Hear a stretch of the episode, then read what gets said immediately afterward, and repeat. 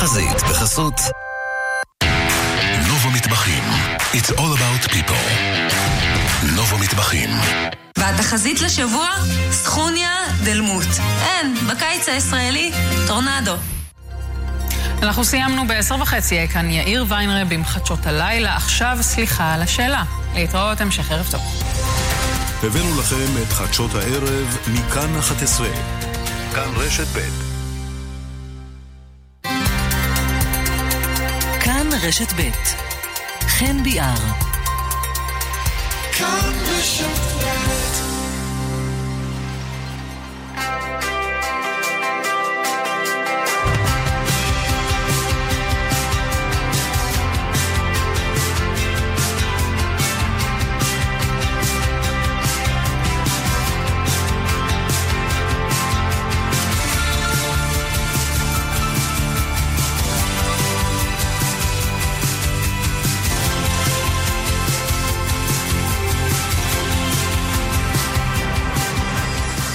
שש דקות אחרי תשע, שלום רב, ערב טוב לכם, יום שלישי בשבוע, זה היום הצפוני, בכאן רשת ב', כאן צפון, אנחנו ביחד עד 11, עטמנה והבי, עורך ומפיק את המשדר הזה, אוסקר טרדלר על הביצוע הטכני, ואנוכי חן ביאר, אתם מוזמנים להצטרף, גם הצפוניים מביניכם וגם אלו שלא, שעתיים עם כל מה שמעניין, מעסיק את uh, תושבי הצפון, ואנחנו נמצאים, כידוע לכם, אה, ביממות אה, מתוחות מאוד, בעיקר אה, בגליל העליון, ברמת הגולן, באצבע הגליל, מאז אותה תקיפה שמיוחסת לישראל בלבנון, שהגיעה אחרי תקיפות נוספות באזורים אחרים. המתח מורגש היטב באזור, זה יהיה הנושא הראשון שלנו, ואנחנו אומרים שלום לראש עיריית קריית שמונה, אביחי שטרן. שלום, כן, וערב טוב למאזינים. ערב מצוין, איך אתה עובר את הימים האלה? אה, שגרה כרגיל, אני חושב שהדבר היחידי ששובר שגרה אצלנו זה הפסטיבל יוצאים בחוץ שיש לנו מחר בקריית כן. שמונה. אירוע המוני תחת כיפת השמיים, עם מיטב האומנים בארץ, עם עדן בן זקן, והאולטרס, והקלמרים, ומתחם מתנפחים, ומתחמי נינג'ה, טובי הדי-ג'יי בארץ. אני חושב שאירוע המוני כזה שמתרחש מדבר בעד עצמו. וזה קורה כמתוכנן, הכל בסדר, לא, אין, אין, אין שום שינוי בעניין הזה. כמתוכנן, בתיאום עם כל הגורמים, עם כוחות הביטחון שאני נמצא איתם בקשר רציף, מאז uh, בעצם, uh, עוד אפילו לפני שיצאו הידיעות, אנחנו נמצאים בקשר רצוף, מעודכנים, ההנחיות הן שגרה כרגיל, אין סיבה לדאגה, ובכל, בכל, בכל מקרה, אני יכול להגיד לך ולתושבים בבית, שאין סיבה לפאניקה, אנחנו ערוכים לכל תרחיש. 48 מקלטים בעיר רק סיימו שיפוץ לאחרונה, ואין שום סיבה לדאגה. באמת, זו הזדמנות טובה לנצל את הימים האחרונים של החופש, ליהנות מהמזג האוויר היפה, מהצפון השופע הנחלים, הטבע. נצלו את הימים האחרונים של החופש, הגיעו לצפון, דווקא עכשיו אולי. לבעלה. דווקא עכשיו להגיע. זו, בדיוק זו. זו אמירה. בדיוק כך. אתה יודע, אני ככה מנסה תמיד לסבר את האוזן למי שפחות מכיר. הייתי היום בצפון, גם בעירך בין היתר, ובאמת, לכאורה הכל אותו דבר, אבל לא ממש. יש איזה משהו קטן כזה בא, באוויר, שאתה יודע ש, שאולי עוד רגע יקרה משהו והכל יכול לקרות. וזו בעצם מתיחות, זה נכון? זה דבר חמקמק כזה, מתעתע, שלא מרגישים אותו, אבל הוא שם איפשהו. כן, מתיחות, אה, כמה שאני מכיר את מדינת ישראל, יש מאז ומתמיד. אנחנו תמיד באיום מתמיד, בוודאי אצלנו בצפון. ידענו גם ימים קשים יותר. המתיחות מורגשת תמיד, אנחנו עדיין ניר קצה. אבל אנחנו מעל עשור של שקט. אנחנו רואים שהצבא שלנו יודע בדיוק מה הוא עושה. הייתי יותר מוטרד אם לא היו עושים את המבצע הזה, ועצם המבצע הזה מעיד עד כמה הצבא שלנו ערוך ומוכן לכל תרחיש, ויודע בדיוק מה הוא עושה, ויש לנו מודיעין מצוין. ואני סומך ידי עליהם, ואני חושב שככה צריכים לעשות כל מדינת ישראל. אין סיבה לדאגה. דיברת על המקלטים שעברו שיפוץ, איפה בכל זאת כרגע עוד מקומות שאתה מרגיש שיש פערים ואתה צריך... תראה, זה לא גם סוד אתה, שיש גם העירייה, פערים, גם כן, עזרה אז אולי של אני המדינה, לא- בכל זאת. אז, אז אני, אומר, אני אומר חד משמעית, אה, יש משפט שאומר אה, צרת רבים נחמת טיפשים, אז אני לא מתנחם בזה, אבל uh, הדברים ידועים לכולנו. יש את דוח מבקר המדינה, יש את תוכנית מיגון הצפון שהגיעה בעקבות אותם פערים שהצביע דוח מבקר המדינה. נראה לי שאף אחד מאיתנו לא ציפה שניכנס ממערכת בחירות למערכת בחירות, ולכן התוכנית הזו מתעכבת. אולי אה, קיבלנו תזכורת טובה למה כדאי להאיץ הליכים ולקדם את התוכנית הזו במהרה כדי לגשר על הפערים, אבל אני עדיין לא חושב שזו סיבה לפאניקה. אתה יודע, עברנו גם uh, בצער, אבל עברנו לא, לא, מלחמות פניקה. ועברנו בוודאי, מבצעים. בוודאי, תושבי קריית שמונה ולא היה. תוכנית מיגון לצפון, ועדיין יש לנו מקלטים ויש חוסן, והתושבים יודעים להתמודד, והניסיון העבר לימד אותנו להיערך למקרים כאלה. ואנחנו עושים את כל מה שאפשר, תמיד יש מקום לשיפורים, אני לא אנסה לייפות את העובדות שמופיעות בדוח מבקר המדינה. מה הנקודה שהכי אבל- מטרידה אותך בקריית שמונה? או שאתה תראה, הכי יש- חושב יש- שהיא זקוקה לשיפור דחוף? יש בעיה אחת שאני חושב שהיא נכונה לא רק לקריית שמונה, זה סיפור המקלטים המשותפים. ברגע שזה בית משותף או מוגדר כשטח פרטי, כרשות ציבורית אתה לא יכול להשתמש במשאבי הרשות כדי להסדיר אותם. ושם אנחנו נתקלים הרבה פעמים בבעיות שיש אוכלוסייה שהיא אוכלוסייה מבוגרת, או דיירי עמידר, ושכן משתלט, או אה, לא נמצא בכשירות, ואתה לא יכול להשתמש בתקציבי רשות כדי לשפץ אותם. אני חושב שנכון יהיה אם פיקוד העורף אה, אה, יעשה סדר, או, או לפחות אה, המחוקק אה, באמצעות רגולציה, יאפשר לרשויות לטפל גם באותם מבנים אה, פרטיים כביכול. שזה היום משהו פרטיים. שפשוט אם אתה תעשה את זה, זה היעדר מינהל תקין, פשוט לא מאפשרים לך. נכון, אתה לא יכול להשתמש בעצם בכסף ציבורי כדי ל- ל- לשפץ מקלט שהוא פרטי, אמנם הוא משותף לשישה דיירים, אבל הוא עדיין של שישה. זה שישה, שמונה, תלוי בבניין, כן, לצורך הדוגמה. עכשיו תגיד, בימים כאלה מישהו יוצר איתך קשר מירושלים, מתעדכן, שואל, בודק? אנחנו נמצאים בקשר עם כולם, גם אה, בואו נזכור, אנחנו בתקופת אה, לא, מעבר לחיזורים ה- מעבר לחיזורים זה זמן הרגילים. של כולם להגיע ול, ולחזק ולדבר. אבל אנחנו נמצאים בקשר גם שאין בחירות עם גורמי הביטחון בוודאי, כולנו, אני חושב, כל ראשי הרשויות, תדיר, נמצאים בקשר עם אה, אלוף פיקוד הצפון, עם ה, מי מטעמו, מתודרכים, מעודכנים, תדיר. אביחי שטרן, ראש עיריית קריית שמונה, אתה יודע מה, לפני שניפרד ברמה אישית, אה, קדנציה ראשונה שלך כראש עיר, ואני מניח שיושב איפשהו בראש ש- שיגיע אולי היום שבו תהיה צריך להתמודד עם איזושהי סיטואציה של עימות, של להחזיק עיר תחת אה, עימות בתקופה שכזו, זה משהו שמתכוננים אליו גם ברמה האישית? אה, תראה, אמרת יפה, אני לא חושב, זו לא שאלה של אם תהיה, זו שאלה של מתי תהיה. אה, והלוואי ולא תהיה בכלל, כן? אבל זה- אני מסכים עם אה, הנחת העבודה שלך, ולכן אנחנו דווקא עוד יותר לא מקילים ראש. אה, נושא החירום והביטחון נמצא אצלי בראש סדר העדיפויות. אני חושב שאני גם בין הרשויות הראשונות בארץ שכבר הספיקו להטמיע את מערכת השועל, השוב בעצם, ולתרגל אותה גם יחד עם פיקוד העורף, ספר עליה, ורח"ל ספר עליה והגורמים. למי שלא מכיר.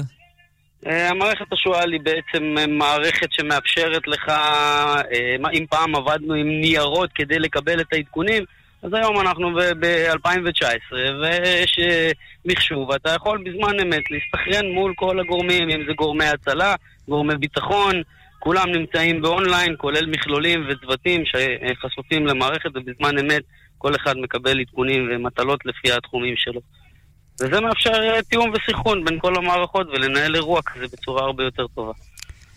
ראש עיריית קריית שמונה, אביחי שטרן, שיהיה ערב אה, שקט. תודה רבה, ערב שקט אה, לכולנו, לכל מדינת ישראל, ותודה רבה. לילה טוב. ואנחנו ממשיכים אה, ממזרח למערב, ומקריית שמונה עולים קצת אה, למעלה למשגב-עם. שלום לעופר מושקוביץ פושקו, ש- שלום ערב טוב. מה שלומך? השתבח שמו, הכל בסדר, ברוך השם, שימשיך ככה. נו, כמו שכבר הספקתי קצת להכיר אותך, אתה בוודאי אה, מסתכל קצת בריחוק על כל הדרמות שמדברים עליהן, והדריכות והמתיחות ו- והמילים כן. האלה. אנשים עסוקים בלהלחיץ את עצמם, עוד לחץ ועוד לחץ. הכל בסדר, חברים, לא קרה שום דבר. משגב משנת 1945 על הקרקע. עברנו משברים, עברנו מתיחויות, עוד, עוד, עוד איזה משהו קטנטן, הכל בסדר. אנחנו לא מרגישים יותר מדי פחד, אנחנו יודעים בדיוק מה קורה, אנחנו מקבלים את כל העדכונים שצריך. אנחנו מחוברים לקרקע, ומה שמטריד אותנו זה עתיד לחקלאות, ולמה המחיר של המים הוא כזה או אחר, ולמה יש יבול או אין יבול. חכה, עוד רגע, עוד רגע ניגע גם בחקלאות בהחלט, אבל אני מניח ששומעים אותך המאזינים ואומרים, מה, משגב עם, רגע, זה הבתים של, אה, של לבנון והבתים שלכם, זה, זה מרחק של שום דבר, רואים חלון בחלון, אפשר להשכיב זה, זה על זה, ואתה לא יודע אם זה פעיל חיזבאללה, או שזה סתם אה, אדם שרוצה לחיות בטוב כמוך. אז איך בכל זאת נשארים כל כך שלווים ו- ורגועים כפי שאנחנו שומעים אותך עכשיו? אז בוא אני אגיד לך, קודם כל כשאתה מגיע, הכפר שמולנו קוראים לו כפר אלעדייסה, ואתה רואה שם אה, יותר מדי תנועה אתה לא רואה שם, שיש כאלה שיכולים לחשוש ויש כאלה שלא, אבל בינתיים אנחנו אין לנו שום סיבה לחשוש. אתה רואה את הבתים, אתה מדי פעם רואה אה, איזה תנועה כזאת או אחרת, אבל אה, אתה יודע, אתה רואה את הבנייה החדשה, ואתה יודע, אתה חושב לעצמך, זה אולי אה, אה, מצב אופטימי, כי אתה יודע, יש בנייה חדשה. אתה רואה גגות רעפים, אתה יודע, אתה רואה מין פסטורליה כזאת, שאתה אומר, אוקיי, לפחות מעל פני השטח, נראה בסדר, נראה חיים רגיל. אנשים רוצים לבנות את הבתים שלהם. אני לא יודע אם כולם שם מחפשים עימותים. אתה יודע, יש כאלה שמחפשים את העימות, אבל אתה לא רואה אותם, אתה לא חווה אותם, אתה לא מרגיש אותם. ואנחנו כל כך בטוחים עם הצבא שיש לנו, שהוא מקיף אותנו והוא מגן עלינו, וגם הקהילה שלנו היא כל כך חזקה והיא כל כך תומכת, שאתה לא תראה מישהו שהולך ברחבי הקיבוץ וחושש למשהו. לא חוששים, אתה יודע, אתה הולך, אתה שומע ככה וככה מהתקשורת, ואתה רואה איזה מחסום של איזה חייל או חיילת עומדים לך בסביבה של, הקיבוץ, אבל השגרה לא נפגעת. לפחות לא אצלנו, השגרה ממש לא נפגעת. אתה רואה הבריכה מלאה ובתי ילדים, אה, זה כולם בחוץ משחקים ונהנים. אין, אתה לא, לא, ממש לא מרגישים את זה. ויש לכם בקיבוץ גם אה, משפחות אה, אה, חדשות שקלטתם. נכון, יש משפחות חדשות ש... תראה, זה, המשפחות החדשות הן כרגע בסימן שאלה. מה זאת אומרת בסימן שאלה? הם עוד לא חוו יותר מדי אירועים ביטחוניים, אז אתה יודע, הם לא, עוד אין להם ניסיון, אבל המז, המזל שלנו שבדרך כלל החבר'ה הצעירים האלה, הם ב... יש לנו צוות כוננות של היישוב, והם בצוות הכוננות של היישוב, אחד מבני הזוג, אז ברגע שיש מישהו מבפנים, זה, זה כמו טירונות. אז הוא גורם מרגיע. כן, כן, אבל הוא גורם מרגיע, אתה יודע, כי הם יודעים בדיוק מה שקורה. לכולם יש את המידע, מעבירים את המידע הביתה. והם מבינים שזה לא כזה big deal. שוב, הם עוד לא חוו מטח של קטיושות, ואתה יודע, זה כל אחד לביתו, אתה יודע, פתאום יהיה איזה מטח של קטיושות, כולם יגידו, רגע, לאן הגעתי? אבל בינתיים, שוב, הקהילה שלנו היא כל כך תומכת והיא כל כך חזקה, שאנחנו עוטפים את כל מי שקצת מתעסק, כל מי שקצת לא יודע, אנחנו מסבירים לו, אנחנו אומרים לו מה קורה, מה לא קורה, מסבירים לו שלא בדיוק מה שאומרים לך זה מה שיש, ובינתיים, ברוך השם, הכל בסדר. עכשיו, החבר'ה החדשים זה בנים חוזרים? זה חבר'ה חדשים לגמרי? זה לא, זה גם בנים חוזרים וגם חבר'ה שלמדו פה באזור במכללת תל חי, שהחליטו אה, להישאר באזור, וכמו שאנחנו יודעים באזור, ברגע שיש לך פרנסה ומקום עבודה, אז זה המקום הכי טוב לחיות בו. ועכשיו אנחנו בונים פה הרחבה חדשה במשגב עם, וזה מקום עם הנוף והאוויר הכי טובים במדינת ישראל. חד משמעי. אין, כן, אין, ש... אין שאלה. ואגב, בשלבי השכנוע אני מניח שאם אתה ככה מציג את, ה... את הקיבוץ למשפחה חדשה, אני מאמין שגם העניין עולה, מה, איך גרים פה אה, שני מטר מלבנון. נכון, ואז אני אומר להם, תשמעו, אני גדל, גידלתי פה שלוש בנות יפהפיות, שרוצות עכשיו לחזור גם לקיבוץ, כל אחד רוצה לנסוע למרכז, או לראות מה זה חיים של, של אה, מרכז הארץ. רואה מה קורה, ואז חוזר לגליל, לאוויר של הגליל, למשפחתיות של הקיבוץ, לקהילה התומכת. אנשים מחפשים בסוף, בשורה התחתונה, מחפשים בית. ובקיבוץ יש להם את הבית הזה, זה מה שהם גדלו בו, אחרי שהם גדלו, ואחרי שהם עשו כל מיני דברים כאלה טובים ואחרים, אז בסוף הם מחפשים את הבית החם והם חוזרים לקיבוץ. מה עם החקלאות, תגיד? חקלאות, אנחנו בבעיה קשה בחקלאות. כי אה, נוצר מצב שהחקלאים במדינת ישראל יהיו אויב המדינה. כולם מגיעים אליי, אומרים לי, תשמע, אני מגדל 300 דונם, דונם אבוקדו. ומגיעים אליי, אומרים לי, תגיד לי, פושקו, למה אתה מקבל על האבוקדו שלך 18 שקלים? אז אני אומר להם, חברים, אני מקבל 4 שקלים. תבדקו הלאה מי מקבל את ה-18 שקלים האלה. וקשה לנו פה, ואנחנו נלחמים עם, ה, עם, ה, עם המחירים של המים, אבל החקלאים זה עם אופטימי. ואנחנו בטוחים שבסוף יהיה בסדר. אגב, אתה יודע את אותם חבר'ה שאתה שולח אותם לבדוק מי גוזר את הקופון באמצע? כי זו שאלה שאני יודע שגם החקלאים וגם uh, כתבים עיתונאים שמסקרים כלכלה וגם כלכלנים וכולם מנסים למצוא מי, מי זה האדם הזה שגוזר באמצע את, ה, את הקופון והתשובה לא כל כך ברורה למרות שכבר עשור, יותר, מתעסקים עם, ה, עם השאלה הזו, בטח מאז שהיוקר המחיה נהיה נושא כל כך אקוטי ו, וגם החקלאים נפגעים מחלק מהניסיונות להילחם בו. הלוואי והייתי יודע.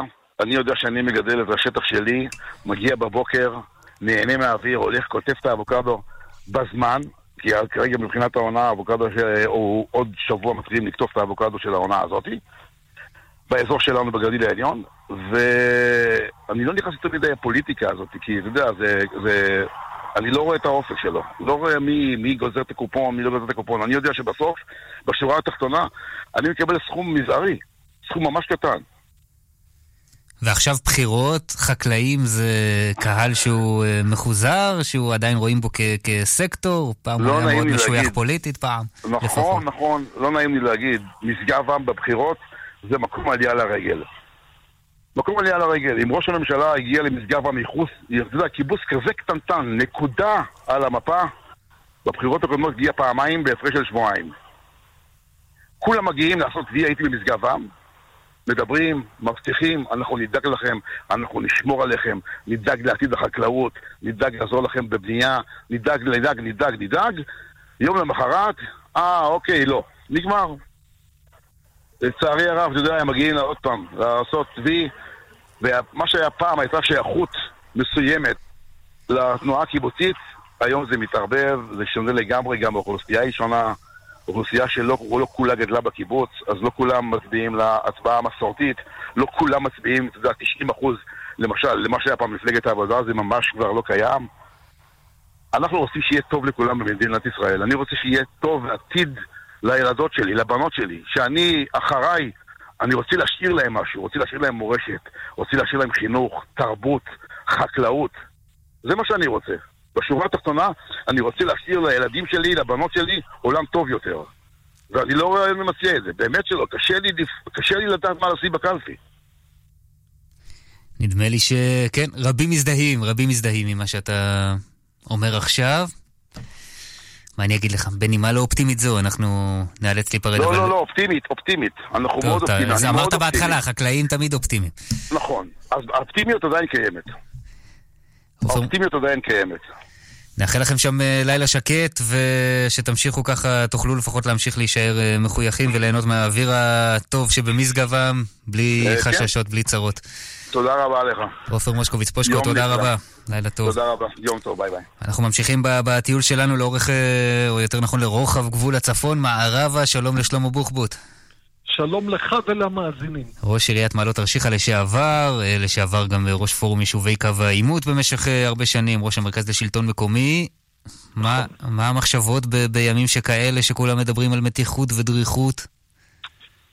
תראה, אני ישבתי היום, כתבתי פתיח לתוכנית רדיו שיש לי ברדיו צפון, ונזכרתי שבאחד מימי שישי שעבדתי בגינה, מלחמת לבנון השנייה, השקיתי ושמעתי שני קטיושות, ונזכרתי שאתמול שוב פעם אדון נסראללה מאיים. אבל אה, מה אמרתי? שבסך הכל אה, קשה לו בבונקר, וכשהוא רוצה קצת לנשום אוויר, יוצא החוצה ומאיים. ולדעתי, לדעתי, השקט יישמר בגבול, בגבול הצפוני של מדינת ישראל. כן, אתה לא, לא לוקח את, את הדברים שהוא אומר ברצינות? תראה, אני במשך, מאז 2006, היו הרבה שהעריכו וניבאו שתהיה עוד פעם מלחמה, ולאורך כל הדרך אמרתי שזה לא יהיה, לא יקרה, כי כפי שאנחנו רוצים שקט, רוצים לפתח, אני מאמין שבצד השני הם זוכרים היטב את המלחמה שלגביהם הייתה מלחמה מאוד קשה. גם לגבינו הייתה מלחמה קשה. אם מעלות לבד, מעלות תרשיחא, נהרגו שלושה חבר'ה מתרשיחא ונפלו על העיר יותר מ-600 קטיושות, אה, זה די קשה, וגם להם היה קשה מאוד. לכן, אני בא ואומר, שני הצדדים לא כל כך רוצים במלחמה. עכשיו, יש עניין שככה מעניין אם אתה רואה אותו כמוני. אני מתרשם שדיברנו אה, לפני השיחה איתך עם, עם אה, שני אנשים מהחלק המזרחי של גבול הצפון, עם אה, אביחי שטרן מקריית שמונה ופושקו ממשגבם. האזור המערבי יותר, הגזרה המערבית יותר, כל נושא המיגון וההכנות למלחמה שאנחנו מקווים שלא תגיע, אבל לצערנו כולנו סבורים שיום אחד היא, היא, היא תהיה כאן. המצב הוא הרבה פחות טוב, נכון? תראה, אה, אני לא רוצה אה, להחמיא לעצמי, אבל בתקופה שלי אני הובלתי הרבה מאבקים, וגם אה, לפני שנה, לפני הבחירות, דאגנו לכך ששר האוצר, ביחד עם ממשלת ישראל, יאשרו כחמישה מיליארד שקל למשך כמה שנים, על מנת לעבות ולתת ביטחון לתושבים בצפון. לצערי, אני לא יודע מה קרה עם הכסף הזה, ואני לא מבין למה ראשי הערים שותקים. אה, צריכים, צריכים להרים כל, כל אה, זעקה, ואם צריך לצאת למאבק, צריך לצאת למאבק. תראה, מצד אחד אני בא ואומר, לא תהיה מלחמה, אבל מהצד השני, יש פה הרבה מאוד, בעיקר בערי הפריפריה כמו מעלות תרשיחא, כמו שלומי, כמו קריית שמונה, כמו חלק מנהריה, שהבתים לא ממוגנים. בתי חולים, בית, בית חולים נהריה לא ממוגן. והובטח שימגנו ויקימו חדרי ביטחון כ... לאותם בלוקים, בתים של, של uh, משרד הבינוי והשיכון שנבנו ממש על קרעי תרנגולת והם עומדים על עמודים וזה יכול לתת תשובה גם לנושא רעידות האדמה וגם אם חס וחלילה היו בעיות ביטחוניות, אה, לפחות שיהיה כמו שקורה בדרום. בדרום, לשמחתי, הממשלה השקיעה הרבה הרבה מאוד כסף במיגון של גני ילדים, של בתי ספר, של בתי חולים, של בתים עצמם, ואני חושב שהחמישה מיליארד שקל שממשלת ישראל אישרה, היו צריכים להתחיל לצאת לפועל פה בצפון. איך יכול להיות שזה, שזה לא קורה? איפה זה נתקע, הדברים האלה? אתה מכיר את זה הרי מכל כך הרבה כיוונים, ו- ויודע מה קורה שם בסופו של דבר. גם התוכנית הזאת של המיגון, וגם, אתה יודע מה, התוכנית לפיתוח הצפון שאצלך בעיר חגגו, שאתה היית ראש עיר, ו- ולדעתי, סליחה שאני אומר לך את זה, כבר מרגע הראשון היה צריך להבין שזה בלוף. איך, איך, איך זה נתקע בסופו של דבר? תראה, אני לא חושב שזה בלוף, כי אני רוצה לומר לך שיש לי הערכה רבה עם משה כחלון כשר האוצר, שבתקופה שלו אנחנו התחלנו לראות ממש בנייה מסיבית ברוב היישובים שלנו. עכשיו, אל תשכח שמדינת ישראל משותקת שנה שלמה. המער... שתי מערכות בחירות, הציבור אולי לא מרגיש את זה, אבל אחרי הבחירות יתחיל להרגיש את זה. בכיס, שהמצב הכלכלי הולך ונהיה יותר קשה, שמשרדי ממשלה משותקים, אני יודע שהם משותקים. כל דבר שאתה פונה אליהם, הוא אומר לך, אדוני, אסור לי, יש ממשלת מעבר, ממשלת מעבר. אבל ממשלת מעבר או לא ממשלת מעבר, כשיש בעיות ביטחוניות, ואני קורא גם לראש הממשלה וגם לשר האוצר ולחבריי ראשי הרשויות, תעמדו על כך שהחמישה מיליארד שקל יתחילו להוציא לפועל. אתה גם אמרת שמדובר כמה מיליארדים של פיתוח הצפון, אני לא יכול לתת לך תשובה מה קורה עם זה, כי אני כבר לא ליד ההגה של הרשות המקומית. לא, זה, זה ברור לי, אבל איך, איך, מה קורה שם בתהליך שבסופו של דבר גם דברים שהסכימו עליהם וחתמו על כל מיני הסכמים ותוכניות בטקסי רבי, טקסים רבי פאר והדר, איך קורה שזה נתקע באמצע? איפה בדרך כלל זה נופל? תראה, אתה כמוני וכמו כל עם ישראל, מסתכל בטלוויזיה. כמה הבטחות, אתה יודע מה, היה לי קצת ויכוח עם כמה אנשים, האם פרץ אמיר ייכנס לממשלה, כן או לא.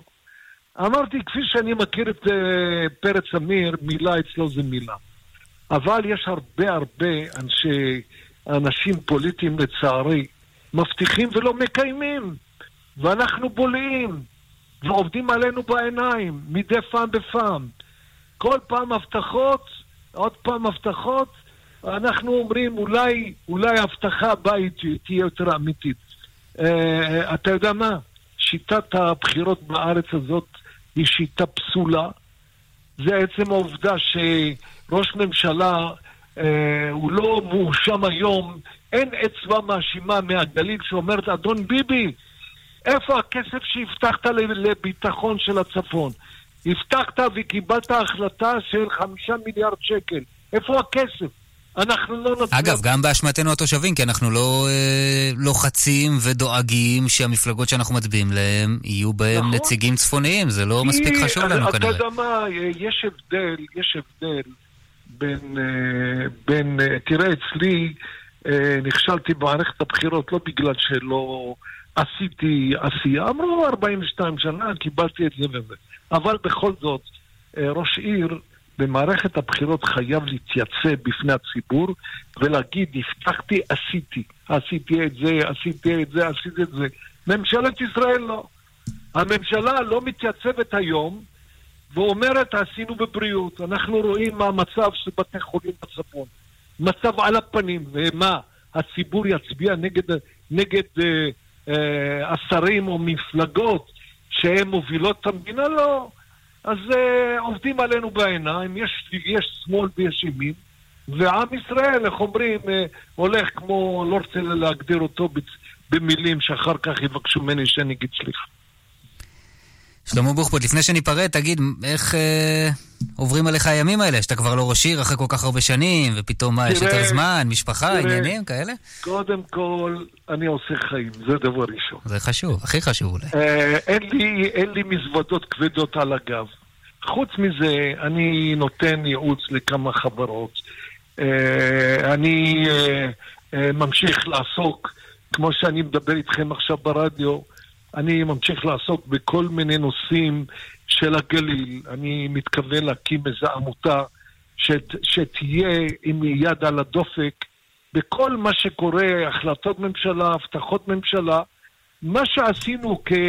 ברשות מקומית, אני אמשיך לעשות גם בחיים, אני יכול להגיד, האזרחים שלי. שלמה בוחבוט, תודה רבה, נעים לשוחח איתך, ואנחנו נמשיך לעשות את זה, שיהיה ערב נעים. תודה, תודה. הפסקה קצרה, ואז נהיה עם נושאים אחרים. מיד חוזרים עם חן ביאר. אמריקה הלטינית מחכה לכם. לטאם איירליינס, טיסות ישירות מתל אביב לאמריקה הלטינית. יותר מ-120 יעדים מדהימים ברחבי היבשת. ברזיל, צ'ילה, ארגנטינה, אורוגוואי, פרו, אקוודור, קולומביה ועוד. ב-799 דולר לאדם הלוך ושוב. הזמינו עכשיו אצל סוכני הנסיעות. לטאם איירליינס, כפוף לתקנון. והם חיו באושר ואושר עד עצם היום הזה. הסוף. יאללה, קדימה, עוד סיפור. אבל סמו, הקראתי לך עכשיו ספר שלם. אבל השני ב-80% הנחה בסטימצקי. בבקשה, נו, please, please, please. בלעדי ללקוחות ישראכרט, ספר שני ב-80% הנחה על מבחר ספרים המשתתפים במבצע ברשת סטימצקי. לקבלת ההטבה היכנסו לאתר ישראכרט או ליישומון אפליקציה. תכלס, אין על ישראכרט. ספרים זה סטימה כפוף לתקנון. סוגרים את החופש הגדול במשביר לצרכן. חזיות מהמותגים המובילים שבמבצע ב-50% הנחה למועדון. המשביר לצרכן. כפוף לתנאי המבצע. מי זה? משקפיים. משקפיים? כן, משקפיים עד הבית. בדיקות ראייה והתאמת משקפיים בבית שלכם. לפרטים חייגו, כוכבית 3466, והאופטומטריסט כבר בדרך עליכם. הטלוויזיה לא עובדת? אנחנו נתקן מיד. מנסים למצוא רופא? ייצרו, הרופאה כבר בדרך. מחפשים טיול, הופעה, קונצרט, שקט נפשי, ביטחון אישי. כל זה הוא רק חלק ממה שאנו מעניקים לדיירים בדיור המוגן שלנו. כאן חיים ברקן, בואו לבקר בבית גיל פז, הדיור המוגן בכפר סבא. אני מאמין שתרצו להישאר. חפשו בגוגל בית גיל פז או התקשרו 1-700-55-70-80 והם חיו באושר ואושר עד עצם היום הזה. הסוף. יאללה, קדימה, עוד סיפור. אבל סמו, הקראתי לך עכשיו ספר שלם. אבל השני ב-80% הנחה בסטימצקי. בבקשה, נו, please, please, please. בלעדי ללקוחות ישראכרט, ספר שני ב-80% הנחה על מבחר ספרים המשתתפים במבצע ברשת סטימצקי. לקבלת ההטבה היכנסו לאתר ישראכרט או ליישומון אפליקציה. תכלס, אין על ישראכרט. ספרים זה סטימה כפוף לתקנון. כבר שנים שאני גרה לבד, אבל בתקופה האחרונה אני מרגישה שהלבד נהיה קשה ממש. שלום, כאן רפי קרסו, היועץ הרפואי של בית בכפר. ואם גם אתם מתקשים עם הבדידות, אני מציע שתצטרפו אלינו לבית בכפר במסלול הליסינג. תשלום חודשי, בלי פיקדון, בלי התחייבות ובלי למכור את הבית. התקשרו, 1-800-30-70-70. בית בכפר, רשת דיור מוגן מובילה בישראל, כפוף לתנאי ההתקשרות עם החברה. חמש שנים לצוק איתן. זוהי המכה הקשה ביותר שהחמאס ספג מאז הקמתו. כאן רשת ב' במשדר מיוחד. כרמלה מנשה וגל ברגר חוזרים אל הקולות ואל הסיפורים מהמבצע הצבאי הדרמטי בעזה. חמש שנים לצוק איתן. מחר, שמונה בבוקר. כאן רשת ב'. כאן רשת ב' תשע ועוד אה, 35 דקות, כאן צפון, כאן אה, רשת ב', אנחנו אה, לחיפה עכשיו, שלום לדקלה כהן אה, מיכאלי. שלום, ערב טוב. מנכ"לית עמותת לב חש, שאת יודעת מה, לפני שנגיע ו- ונדבר על מה שקורה איתכם בימים אלה, תספרי לנו קצת על העמותה ועל הפעילות שלכם למי שלא מכיר. אוקיי, אני אשמח. עמותת לב חש היא עמותה חיפאית שקיימת כבר 22 שנה. אנחנו בעצם נותנים מענה וסיוע בטווח הקצר ובטווח הארוך למשפחות, לנזקקים, אה, לקשישים, קשישים ניצולי שואה, לילדים חולים, חולי סרטן. יש לנו מרפאות שיניים בחיפה ובקריית אתא שבעצם מיועדים לזכאי סל שיקום ולנזקקים ומאפשרים להם אה, ככה טיפולי שיניים לזכאי סל שיקום ללא עלות אה, ולנזקקים בעלות כך מאוד מסובסדת. יש לנו מרכז מזון לנזקקים שעל בסיס שבועי מקבלים מזון, אה, סלי מזון. יש לנו מרכז אה, מחזור והשבה של ריהוט וכל מה שצריך לבית. כך שמי שבאמת אה, צריך מגיע ומתאבזר בכבוד בכל מה שהוא צריך, שמעודד אה, שוויוניות וכבוד. אה, יש לנו פרויקטים לילדים חולי סרטן, אה, פרויקט חונכות שבו אנחנו בעצם אה, מעניקים חונכות גם לילדים שיוצרים אה, פערים מאוד גדולים בשל המחלה, אבל גם לאחים שלהם, אה, שבאמת ככה אה, קצת אה, נשארים לבד.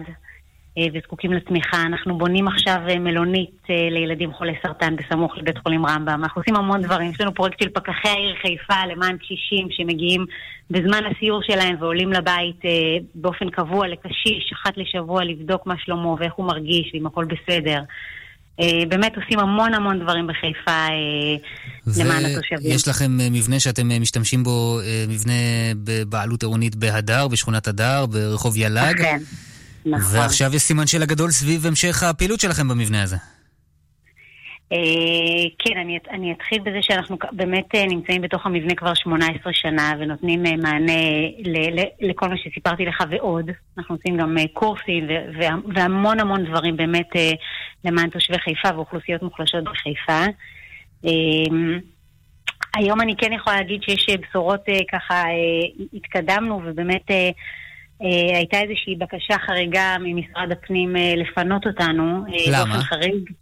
אה, לטובת, אה, לא רק אותנו, זאת אומרת שישה מבנים אה, בחיפה לטובת אה, אה, הקמת אה, מוסדות אה, ציבור חרדיים.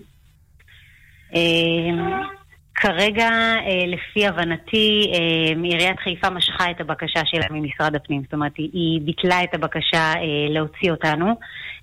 זה עדיין לא אומר שהעירייה לא, לא תעשה איזה שהם תהליכים. אני, אני כן מאמינה שהיום באמת לאור הצעקה הציבורית הגדולה ש, שהתקיימה, וגם לנוכח הביקור ש, שהתקיים, גם של משרד הפנים וגם של העירייה, שמאוד מאוד מקווה שכן ישתפו איתנו פעולה. שמה הצגת להם את שם בעצם? מה טענתם בפניהם? אה, תראה, מה שקורה זה שכמו שאמרתי לך, העמותה עוזרת באמת לאלפים. אה, אני חייבת לציין ולהגיד לפני שאם יש צורך אה, במוסדות חינוך, ולא משנה למי, אז צריך לדאוג לזה. ואין ספק שזה מאוד מאוד חשוב. רק העניין הוא ש, שהצעד שנעשה פה הוא צעד שנעשה גם ללא ידיעתנו, וגם בתהליך שהוא לא תהליך אה, מוסדר של הקצאה. נכון לעכשיו, אה, נכון לעכשיו אין אישור של משרד הפנים לפנות אותנו, כי הם כן ראו שיש פעילות, ופעילות ענפה ופורה מאוד מאוד מאוד עבור תושבי חיפה ועבור הנזקקים. ואנחנו מאוד מאוד מקווים שהעירייה באמת ככה תכיר בזה, ושראש העיר תבוא ותבקר במבנה, ותראה את הפעילות. Uh, תדבר עם האנשים הנזקקים ותכיר uh, uh, בעמותה. אבל ש- יבואו ויגידו לך, סליחה, עם כל הרצון הטוב ועם כל הפעילות החשובה של העמותה, זה מבנה שהוא, גם לפי התכנון המקורי, אמור להיות בו בית ספר, ויש כרגע צורך לבית ספר. פתיחת שנת לימודים. אה, יכול להיות שאולי בכל זאת זה הדבר הנכון לעשות, כי זה צו השעה, לא? אוקיי, אז, אז באמת, כמו שאמרתי, אני חושבת שזה מאוד מאוד חשוב. אה, באמת לתת מענה אה, אה, חינוכי. אני חושבת שזה צריך להיות אה, גם בסדר עדיפות אה, מאוד מאוד גבוה לרשות. אה, זה משהו שהוא ידוע מבעוד מועד, זה לא משהו שהוא חדש מהיום, אוקיי? אה, לא צריך לעשות מחטפים. אה, וגם צריך לראות, אה, אתה יודע, כמויות. פה מדובר על, אה, אנחנו יושבים בשכונת הדר. שכונת הדר היא שכונה מאוד מאוד אה, אה, לא פשוטה, יש בה אוכלוסייה גדולה מאוד שהיא אוכלוסייה נזקקת, אוקיי? המיקום בשכונת הדר הוא מיקום מאוד מאוד אסטרטגי וחשוב, הוא מאפשר לאנשים להגיע, הם לא צריכים אה, להתנייד, אה, הם יכולים להגיע ברגל ולהיעזר בנו. אה, המון קשישים מגיעים. צריך לראות, לבדוק עלות תועלת, מה, מה, על כמה מדובר, על כמה, אם מדובר על כיתה אחת, מדובר על יותר, אנחנו נותנים מענה לאלפים. אני גם יכולה להגיד שהמבנה שניתן לנו לפני 18 שנה היה מבנה שהוא היה הרוס לגמרי. אף אחד לא רצה לגשת אליו. אה, העמותה בסיוע חברות וארגונים אה, בעצם שיפצה את המבנה הזה מהיסוד. אני מדברת על, על הכל. וזה פול... זה החלטה, זו ו- החלטה פוליטית? אה, תראה, אה, אני יודעת שהיו לחצים פוליטיים אה, מאוד מאוד מאוד אה, גדולים אה, לעשות את הפעולה הזו, כן. אבל עובדה שכרגע משרד הפנים אה, משך את ה- את ההחלטה. אוקיי, לפעמים השקט שלפני התשובה הוא מעיד יותר מאשר התשובה עצמה. אה, אני חושב במצבים כאלה. אז את אה, בשורה התחתונה מביעה אופטימיות אחרי אה, מחאה שלכם, פרסומים שונים בתקשורת, כן, גם הפגנה. שהייתה השבוע מחוץ נכון. לעיריית חיפה, שהצעד הזה בסופו של דבר לא יצא אל הפועל. אה, אנחנו מאוד מקווים, אנחנו יותר מזה קוראים אה, באמת אה, לעיריית חיפה החדשה לבוא ולהכיר אותנו, אה, להיכנס, לראות את הפעילות שלנו, לעשות סיור. אגב, עינת קליש, ראש העיר, לא לא מכירה אתכם? אתם פועלים כל כך הרבה שנים בחיפה, והיא כבר הרבה שנים, עוד לפני שהייתה ראש עיר בעשייה הציבורית, לא מכירים? אני לא יודעת מה היא מכירה או לא מכירה, אני יכולה להגיד שאני אה, מאוד אה, אשמח לביקור שלה, אני גם כתבתי לה שאני אשמח אה, להיפגש איתה, אה, בהחלט שתבוא לבקר, אה, לראות מקרוב גם את הפרויקטים, גם את האנשים. אני בטוחה שכשהיא תראה את הדברים היא, היא בטוח אה, תשנה את דעתה ותבין את החשיבות ואת גודל ההשפעה. תראה, בסופו של דבר, רוב הפרויקטים שאנחנו עושים הם, א', קודם כל, מלכתחילה, מאז שהתחלנו, מלפני 22 שנה, אנחנו פועלים בשיתוף פעולה מלא עם כל המחלקות ברווחה. אם זה, אם זה עם מחלקת רווחה וכל ה, באמת אה, התחומים שם של קשישים ודיירי רחוב, אנחנו עובדים צמוד, ו, אה, ומחלקת אה, אה, מניעת אלימות ושיקום, באמת עובדים צמוד עם כל המחלקה, אנחנו עובדים עם מנהל תפעול. אנחנו, העמותה גם עושה, יש לה מרכז מדהים, שהוא מרכז בעצם מחזור והשבה. שבו אנחנו בעצם אוספים מכל חיפה והאזור אה, ריהוט. אבל, אבל ללא- יגידו לכם, ואני לא רוצה להיכנס לזה יותר מדי, כי אנשים זה- שלא כן. אה, מצויים באמת בפוליטיקה החיפאית אולי קצת ישתעממו לנו, כי יגידו לכם שאתם הייתם מחוברים תמיד לשלטון הקודם, והיו לכם אנשים במקומות הנכונים לא, בעירייה. זה מאז ומתמיד היה, מאז ומתמיד, גם בתקופת אה, עמרם מצנע וגם בתקופת אה, יונה, מאז ומתמיד ומעולם לא... לא, לא היה איזשהו אה, עניין. בסוף אנחנו פועלים למען התושבים. העמותה מקבלת ונכנסים לדלתותיה כל תושבי חיפה, כולם, אוקיי. ללא הבדל. אה, הדברים ברורים, נדמה לי. דקלה כהן מיכאלי, אה, מנכ"לית עמותת אה, לב חש, תודה רבה. תודה רבה, חן. ערב טוב. מאזין לדברים, סגן ראש עיריית חיפה וממלא מקום ראש העיר מיכאל אלפר, שלום. שלום וערב טוב. אתה מכיר אגב? ביקרת? היית במקום? האמת היא שאני מתכוון להתראיין בנושא אחר, אבל אני מבין שזה הרקע של הראיון, אז אני... לא, לא, לא, לא, לא, אנחנו נדבר, אנחנו נדבר. בנושא, אבל אבל אנחנו רצינו לשאול אותך גם בנושא הזה. אני מכיר את העמותה, אני מכיר את, ה...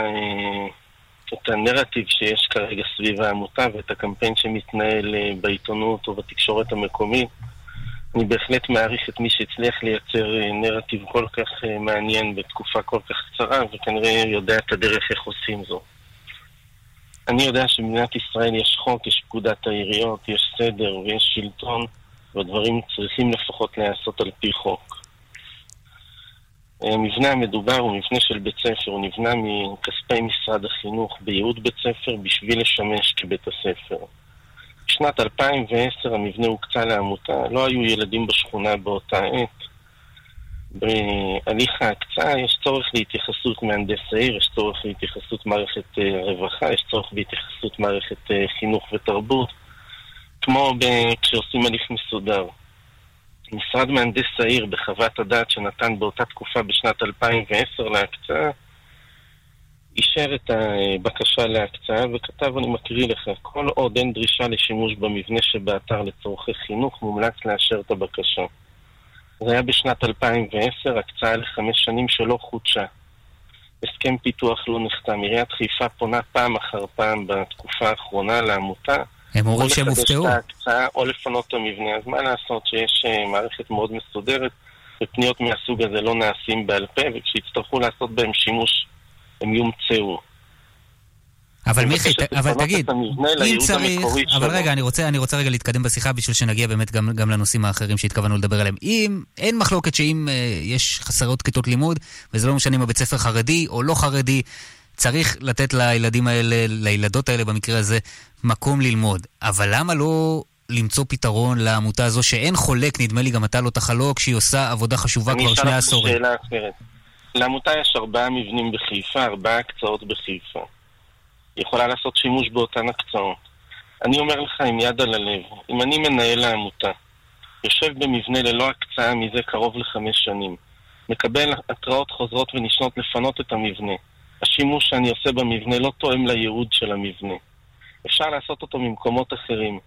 אני משאיר ילדים בצפיפות נוראית, בכיתות, בתת תנאים, ולא נותן להם להיכנס למבנה שהייעוד שלו בית ספר. אבל יכולתם למצוא לעמותה פתרון, הרי היא עושה עבודה חשובה לתושבי הדר שהם יפלו בסוף, הם יפלו בסוף על כתפי מחלקת לא הרווחה.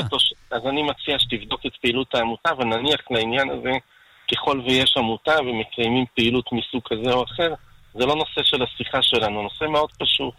יש מבנה, נבנה מכספי משרד החינוך, הייעוד בית ספר, משרד החינוך אומר, או שתעבירו אותו חזרה לייעוד בית ספר, או שתשלמו דמי פדיון על המבנה. אז אנחנו עוסקים במקום שבו אין חוק ואין סדר, וכל דאלים גבר. זאת המציאות שבה אנחנו עוסקים, שאנחנו מנסים להגן על מבנה בית ספר שמאוכלס ברהיטים משומשים שאין להם דורש, הצגת תכלית, וילדים אנחנו אבל, משאירים... אבל רגע, למה אתה אומר, למה אתה אומר הצ, הצגת תכלית? כי אם יש שם חלוקות מזון, יש שם מכירה שהמקום... בסובסידיה לעניים, יש שם מרפאת שיניים, למה הצגת תכלית? אתה רוצה לתת לי לדבר? אם. המבנה... אם בשלט שיש בחוץ כתוב שביום ראשון המקום סגור, ובגלל שמשרד החינוך מגיע המקום פתוח, ולילה לפני זה דוחפים לשמריות, ומביאים אנשים עם חולצות, זאת לא דרך. לא ככה, האמת שגם רשם העמותות מתייחס לעמותה באופן אה, שאתה מוזמן לפנות אה, למסמכים שגלויים לעין כל ולראות איך הוא מתייחס לעמותה, אבל הפעילות שלה זה לא נושא השיחה. יש מבנה, המבנה מיועד לבית ספר, יש ילדים גרים בשכונה, הם זקוקים לבית ספר. אני כמנהל, הייתי מנהל העמותה, לא היה עולה בדעתי לתפוס מבנה של בית ספר ולא לתת לילדים להשתמש בו. לא היה עולה בדעתי דבר כזה. איך תיגמר לא הפרשה הזו? יעלה על הדעת שמבנה של בית ספר יהפוך להיות מחסן רהיטים משומשים. עכשיו עיריית חיפה הציעה חלופות, ואין שום בעיה לסדר ככל ויש החלטה כזאת. עיריית חיפה לא יכולה לקחת עמותה ולהעביר אותה למבנה אחר ללא הקצאה, כמו שהיא לא יכולה להשאיר היום את הפעילות של העמותה, ככל ומתקיימת באותו מבנה שאין לו הקצאה. יש חוק, אתה לא מבקש ממישהו שיעבור על החוק. ההליך שנעשה מול משרד הפנים נעשה כדת, כדין, ללא דופן. עובדה שמשרד ללא הפנים חושב פגם. אחרת. לא, משרד הפנים, אני מוכן להתעמת עם כל אדם ממשרד הפנים. מנכ"ל משרד הפנים חתם על המסמך הזה, הייעוץ המשפטי במשרד הפנים ידע מה הוא עושה. ואז חזרו בהם. דבר- דברים שמשרד הפנים לא חזר בו. ואני קיבלתי הודעה, אני יכול להקריא לא לך אותה ש... קיבלת הודעה שמשרד הפנים חזר בו. קבל, קיבלת הודעה שעיריית חיפה בחרה לפעול בדרך אחרת לא, ולא לא, במסלול סעיף 11. לא. זה מה שכתוב באותה הודעה. תבדוק אותי. לא מדויק, אבל. אבל נניח לזה. מדויק. איך זה ייגמר, תגיד? אמרתי, יש חוק, יש כללים, יש ועדת הקצאות. כלומר, אתה אומר, לא תהיה שם עמותה, יהיה לא שם בית מאבק- ספר, נקודה. זה לא מאבק של עיריית חיפה מול העמותה. בסוף, במדינה מתוקנת יש פקודת עיריות, יש דרך איך עושים את הדברים. מתקן, ש... מבנה, אה, אה, עמותה שפועלת במתקן שלא כדין, יש אה, דרך. אוקיי, יש מסלול מאוד ברור. הדברים ברורים. ילדים שצריכים בית ספר, צריכים להיות בבית ספר. לא יכול להיות שבבסיס התעדוף שיש לרשות מקומית, יהיה משהו אחר לפני בית ספר לילדים בשכונה שבה אין בית ספר. פשוט מאוד. אין פה מאבק ואין פה שום אה, סיבה לקחת את זה למקום שהוא לא נכון. יש פה בהחלט ניסיון של גורמים פוליטיים להתערב באופן שהוא בוטה, לא, באופן שהוא לא משרת את האינטרס של אותם אה, גורמים, את האינטרס שאותם גורמים אמורים לייצג. אבל יש דברים כאלה. אתמול הייתה אמורה להיות אה, הופעה במרכז הקונגרסים, מוטי שטיינמיץ, מרדכי בן דוד, לגברים בלבד, בית המשפט מבטל את ההופעה הזו. היית בדיון, שמעת אה, את הטענות משני הצדדים, וגם קראת, אני מניח, את אה, פסק הדין של אה, שגן, סגן הנשיא השופט אליקים. מה, מה התובנה שלך מכל הפרשה הזו? התובנה שלי שצריך ללכת לכנסת ולעשות חקיקה כזו שלא מייצרת אה, שיקול דעת, אה, שמדיר אוכלוסייה מאירועים שראויים לה. וזה מה שיקרה. למה אתה אומר מדיר אוכלוסייה? יגידו לך, מה שהתכוונתם לעשות זה להדיר אוכלוסייה, אוכלוסייה של נשים. היו 1,560 רוכשי כרטיסים, ומן הסתם היו יותר אם לא היינו בתוך הליך כזה. ואותם רוכשי כרטיסים לא, כי לא, לא היה להם מופע כזה או אירוע כזה אתמול. זאת אומרת, מישהו מנע מהם את אותו אירוע. מנעו מהם את אותו אירוע. אתה יודע שהיה מדובר על מופע בהפרדה, גם חילונים רבים, ש... שאין להם שום עניין באופן אישי בהפרדה, אמרו, צריך לתת את זה, צריך לאפשר את זה, צריך לקבל את זה, גם אם אנחנו לא מאמינים בזה. כאשר מדובר מלכתחילה על מופע ש, שמיועד רק לגברים בלבד, זה הרבה יותר קשה להרבה מאוד אנשים. אני מפנה אותך אירועים שעיריית חיפה עשתה לנשים בלבד בציבור החרדי. לאין ספור אירועים שעיריית חיפה עשתה לנשים בלבד, לא לנשים חרדיות. יש מרוץ אה, טריאטלון בהרצליה לנשים בלבד בשבוע הקרוב. יש אירועים לנשים, יש אירועים לגברים. שאם לא מישהו יעתור כנגדם, יכול מאוד להיות שהם יבוטלו? אוקיי, בסדר, בוא נעמיד את זה למבחן, אני מניח שלא אני אעשה את זה ולא אתה, אבל אני חושב שהתוצאה אה, לא תהיה כמו שהייתה במקרה הזה, אבל זה לא רלוונטי. עכשיו, למה עיריית חיפה לא הציגה לבית המשפט את כל האירועים האלה שאתה טוען שהם קיימים? קודם כל הוצגו. לא, גם השופט נזף, אתה שמעת היטב, אנחנו ישבנו באותה שורה אפילו, השופט אמר, לא הצגתם, התרשלתם. לא, השופט ביקש מעיריית חיפה שתתייחס מכתב תשובה שהיא הכינה ביום רביעי לדוח שנתן אה, היועץ המשפטי ביום חמישי. אז בעיריית חיפה, ככל ויש יועצים משפטיים טובים, הם לא יודעים לחזות עתיד, ולא יודעים להתאים תשובה שנכתבת יום קודם. אבל מיכי, הדיון היה ביום ראשון, היה אפשר עד כניסת שבת להעביר עוד הרבה התייחסויות. היועץ נתן את החוות דעת שלו לגבי האירוע הספציפי ביום אה, שישי אחר הצהריים. אבל זה לא רלוונטי, אנחנו אה, לא, לא קיימנו את האירוע. זה רלוונטי כי היה לזה מקום משמעותי. אנחנו מוכנים לשלם מחיר על העקרונות שלנו, ואנחנו, אוקיי, לא היה אירוע. תגיד, מה עם רוכשי הכרטיסים?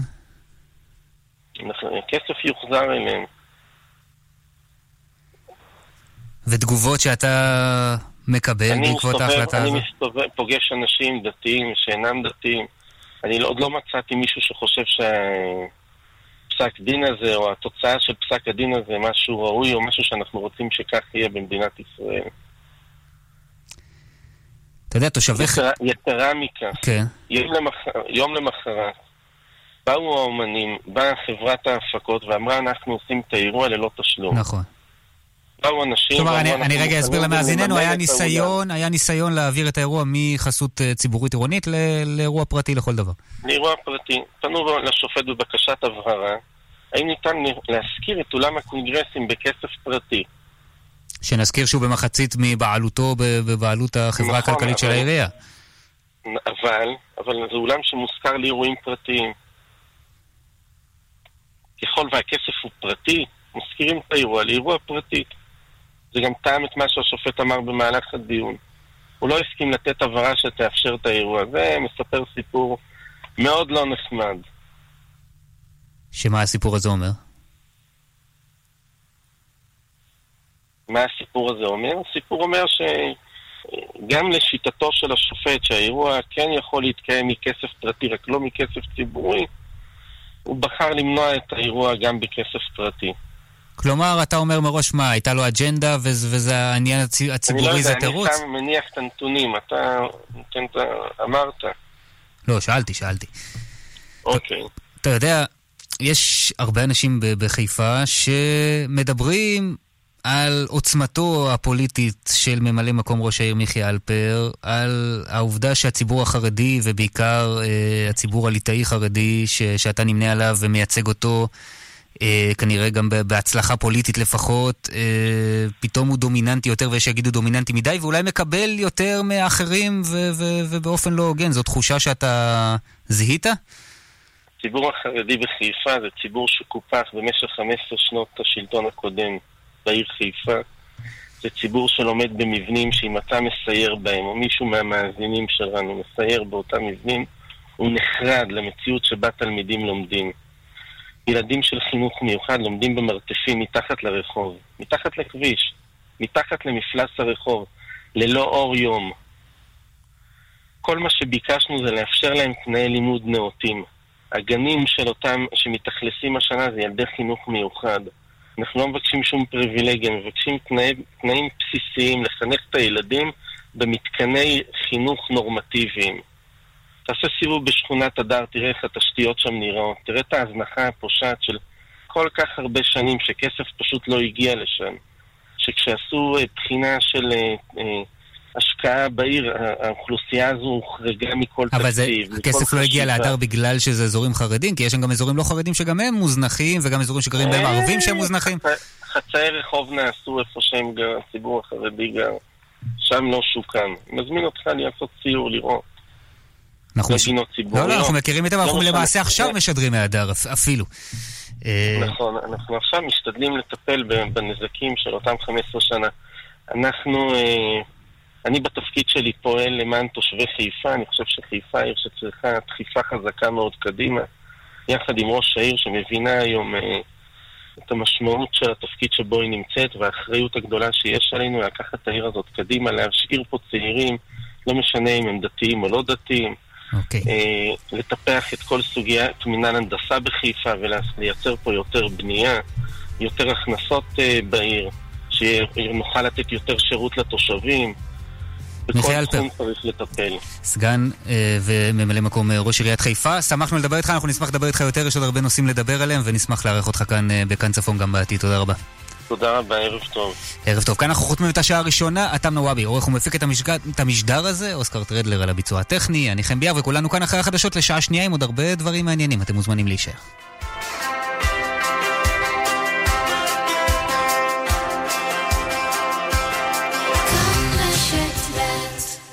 עמית, אנחנו לא חייבים לדבר רק על פוליטיקה בתוכנית שלנו. נכון, יש הרבה נושאים שאנחנו יכולים לדבר עליהם. לא הכל זה בחירות. למשל? אמ, למשל... אמ, רגע לפני הבחירות, ירון דקל ועמית סגל מתאחדים ברגעים המכריעים של הפוליטיקה הישראלית. דקל וסגל, בכל חמישי, שמונה בבוקר, כאן רשת ב'. והם חיו באושר ואושר עד עצם היום הזה. הסוף. יאללה, קדימה, עוד סיפור. אבל סמו, הקראתי לך עכשיו ספר שלם. אבל השני ב-80% הנחה בסטימצקי. בבקשה, נו, please, please, please. בלעדי ללקוחות ישראכרט, ספר שני ב-80% הנחה על מבחר ספרים המשתתפים במבצע ברשת סטימצקי. לקבלת ההטבה היכנסו לאתר ישראכרט או ליישומון אפליקציה. תכלס, אין על ישראכרט. ספרים זה סטימצקי. כפוף לתקנון.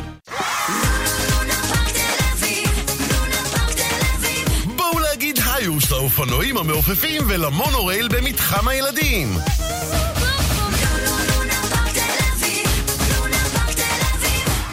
צריכים שמן מנוע? רוצים שמן מנוע של אלופים? שמן המנוע של קסטרול, בחירה נכונה. קסטרול ישראל, בחנויות חלקי חילוף נבחרות, באינטרנט ובפייסבוק. והם חיו באושר ואושר עד עצם היום הזה.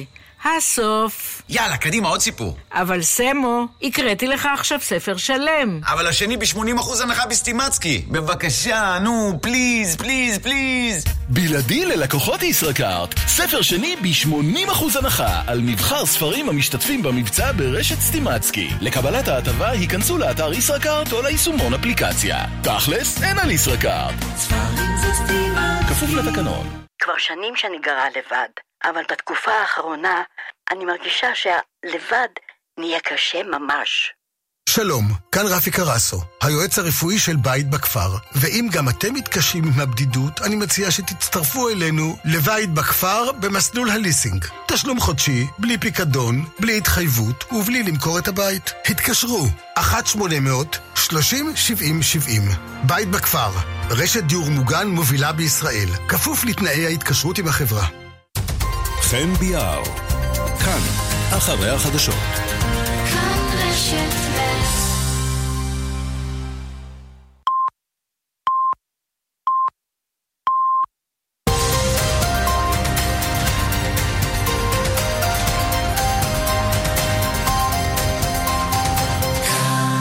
רשת ב', כל ישראל מירושלים, שלום רב, השעה עשר, והנה החדשות מפי אודליה זימור. התקיפה המיוחסת לישראל בביירות. כתבנו רועי שרון דיווח בחדשות הערב בכאן 11 כי הותקף רכיב חיוני בפרויקט דיוק הטילים של חיזבאללה. מדובר ברכיב יקר, ייחודי והיחיד שקיים על אדמת לבנון. בזמן התקיפה הוחסן הרכיב לזמן מוגבל על משטח של חומרי בניין, וזה אפשר את התקיפה המוצלחת. מקורות המקורבים לחיזבאללה אמרו כי הארגון מתכנן התקפה מחושבת על ישראל, כזו שלא תגרום למלחמה, שגם חיזבאללה וגם ישראל אינם מעוניינים בה. המגמה היא התקפה מחושבת, ואולם איך הדבר יתפתח, זה כבר עניין אחר. דברי המקורבים לחיזבאללה, לסוכנות הידיעות רויטרס. לבנון תגיש תלונה למועצת הביטחון נגד ישראל, כך הוחלט בישיבת חירום של המועצה הצבאית העליונה. בפגישה השתתפו נשיא לבנון, ראש הממשלה ועוד בכירים בממשל, והודגש בה כי זכותה של לבנון להגיב על התוקפנות הישראלית. אתר החדשות הלבנוני א-נשרה מדווח מפי מקורות יודעי דבר, כי ראש הממשלה סעד אל-חרירי אמר שאין ממה לפחד. בכיר חמאס, סוהל אל-הינדי, מכחיש את הדיווחים שלפיהם לחצה מצרים על הארגון שלא להתערב במלחמה לטובת חיזבאללה ואיראן ולהפסיק את ירי הרקטות. קודם לכן דיווח ערוץ אל-ערבייה אל-חדף מפי מקורות מצריים כי קהיר הביע זעם על ירי הרקטות מעזה בשעה שמשלחת חמאס נמצאת בקהיר ואיימה כי תפסיק את חסותה לכל יוזמת רגיעה עם ישראל אם יימשך הירי. הערוץ דיווח עוד כי חמאס הודיע למצרים שיש מי שמנסה להכשיל את הרגיעה וכי הקשרים עם איראן אינם על חשבון מצרים ומדינות ערב. ערוץ אל-רד דיווח כי מצרים פועלת להשגת הסכם רגיעה ארוך טווח בין ישראל לחמאס, וכי דרשה מחמאס להפסיק את ירי הרקטות לעבר ישראל. כך מוסרים קשבינו מעיין אלטמן ועמרי חיים. האיומים שלו לפתוח את שנת הלימודים. לאחר עוד יום של דיונים בין הסתדרות המורים לאנשי האוצר, לא הושגה כל הסכמה בין הצדדים. כתבנו לענייני חינוך, לירן חוג'אינוף מוסר, כי בכוונת המדינה להגיש עוד הערב בקשה לבית הדין לעבודה להוציא להסתדרות המורים צווי מניעה. באשקלון קרס ענף עץ ופגע בשלושה הולכי רגל. כתבנו איציק זוארץ מוסר כי גבר כבן 39 נפצע פצעים בינוניים ושתי נשים בנות 88 ו-39 נפצעו פצעים קלים.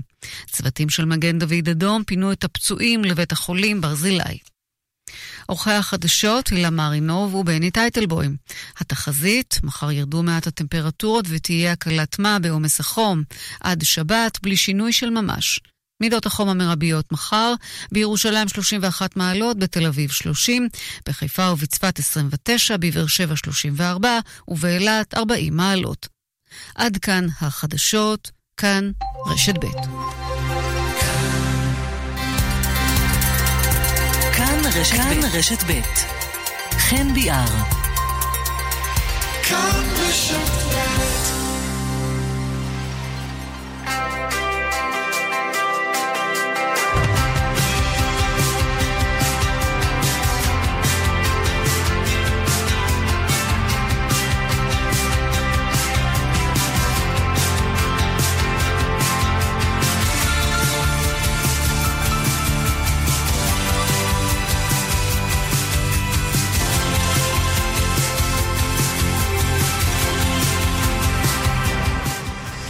ארבע דקות אחרי עשר, כאן צפון, כאן אה, רשת ב', מגזין האקטואליה הצפונית, כמדי שבוע, כמדי אה, יום שלישי, אתם נוואבי, עורך ומפיק את המשדר, אוסקר טרדלר על הביצוע הטכני, אנוכי חם ביאר, ואתם מוזמנים להצטרף, אנחנו ביחד עד 11, ואת השעה השנייה שלנו, אנחנו אה, כהרגלנו, פותחים עם הפרלמנט הצפוני.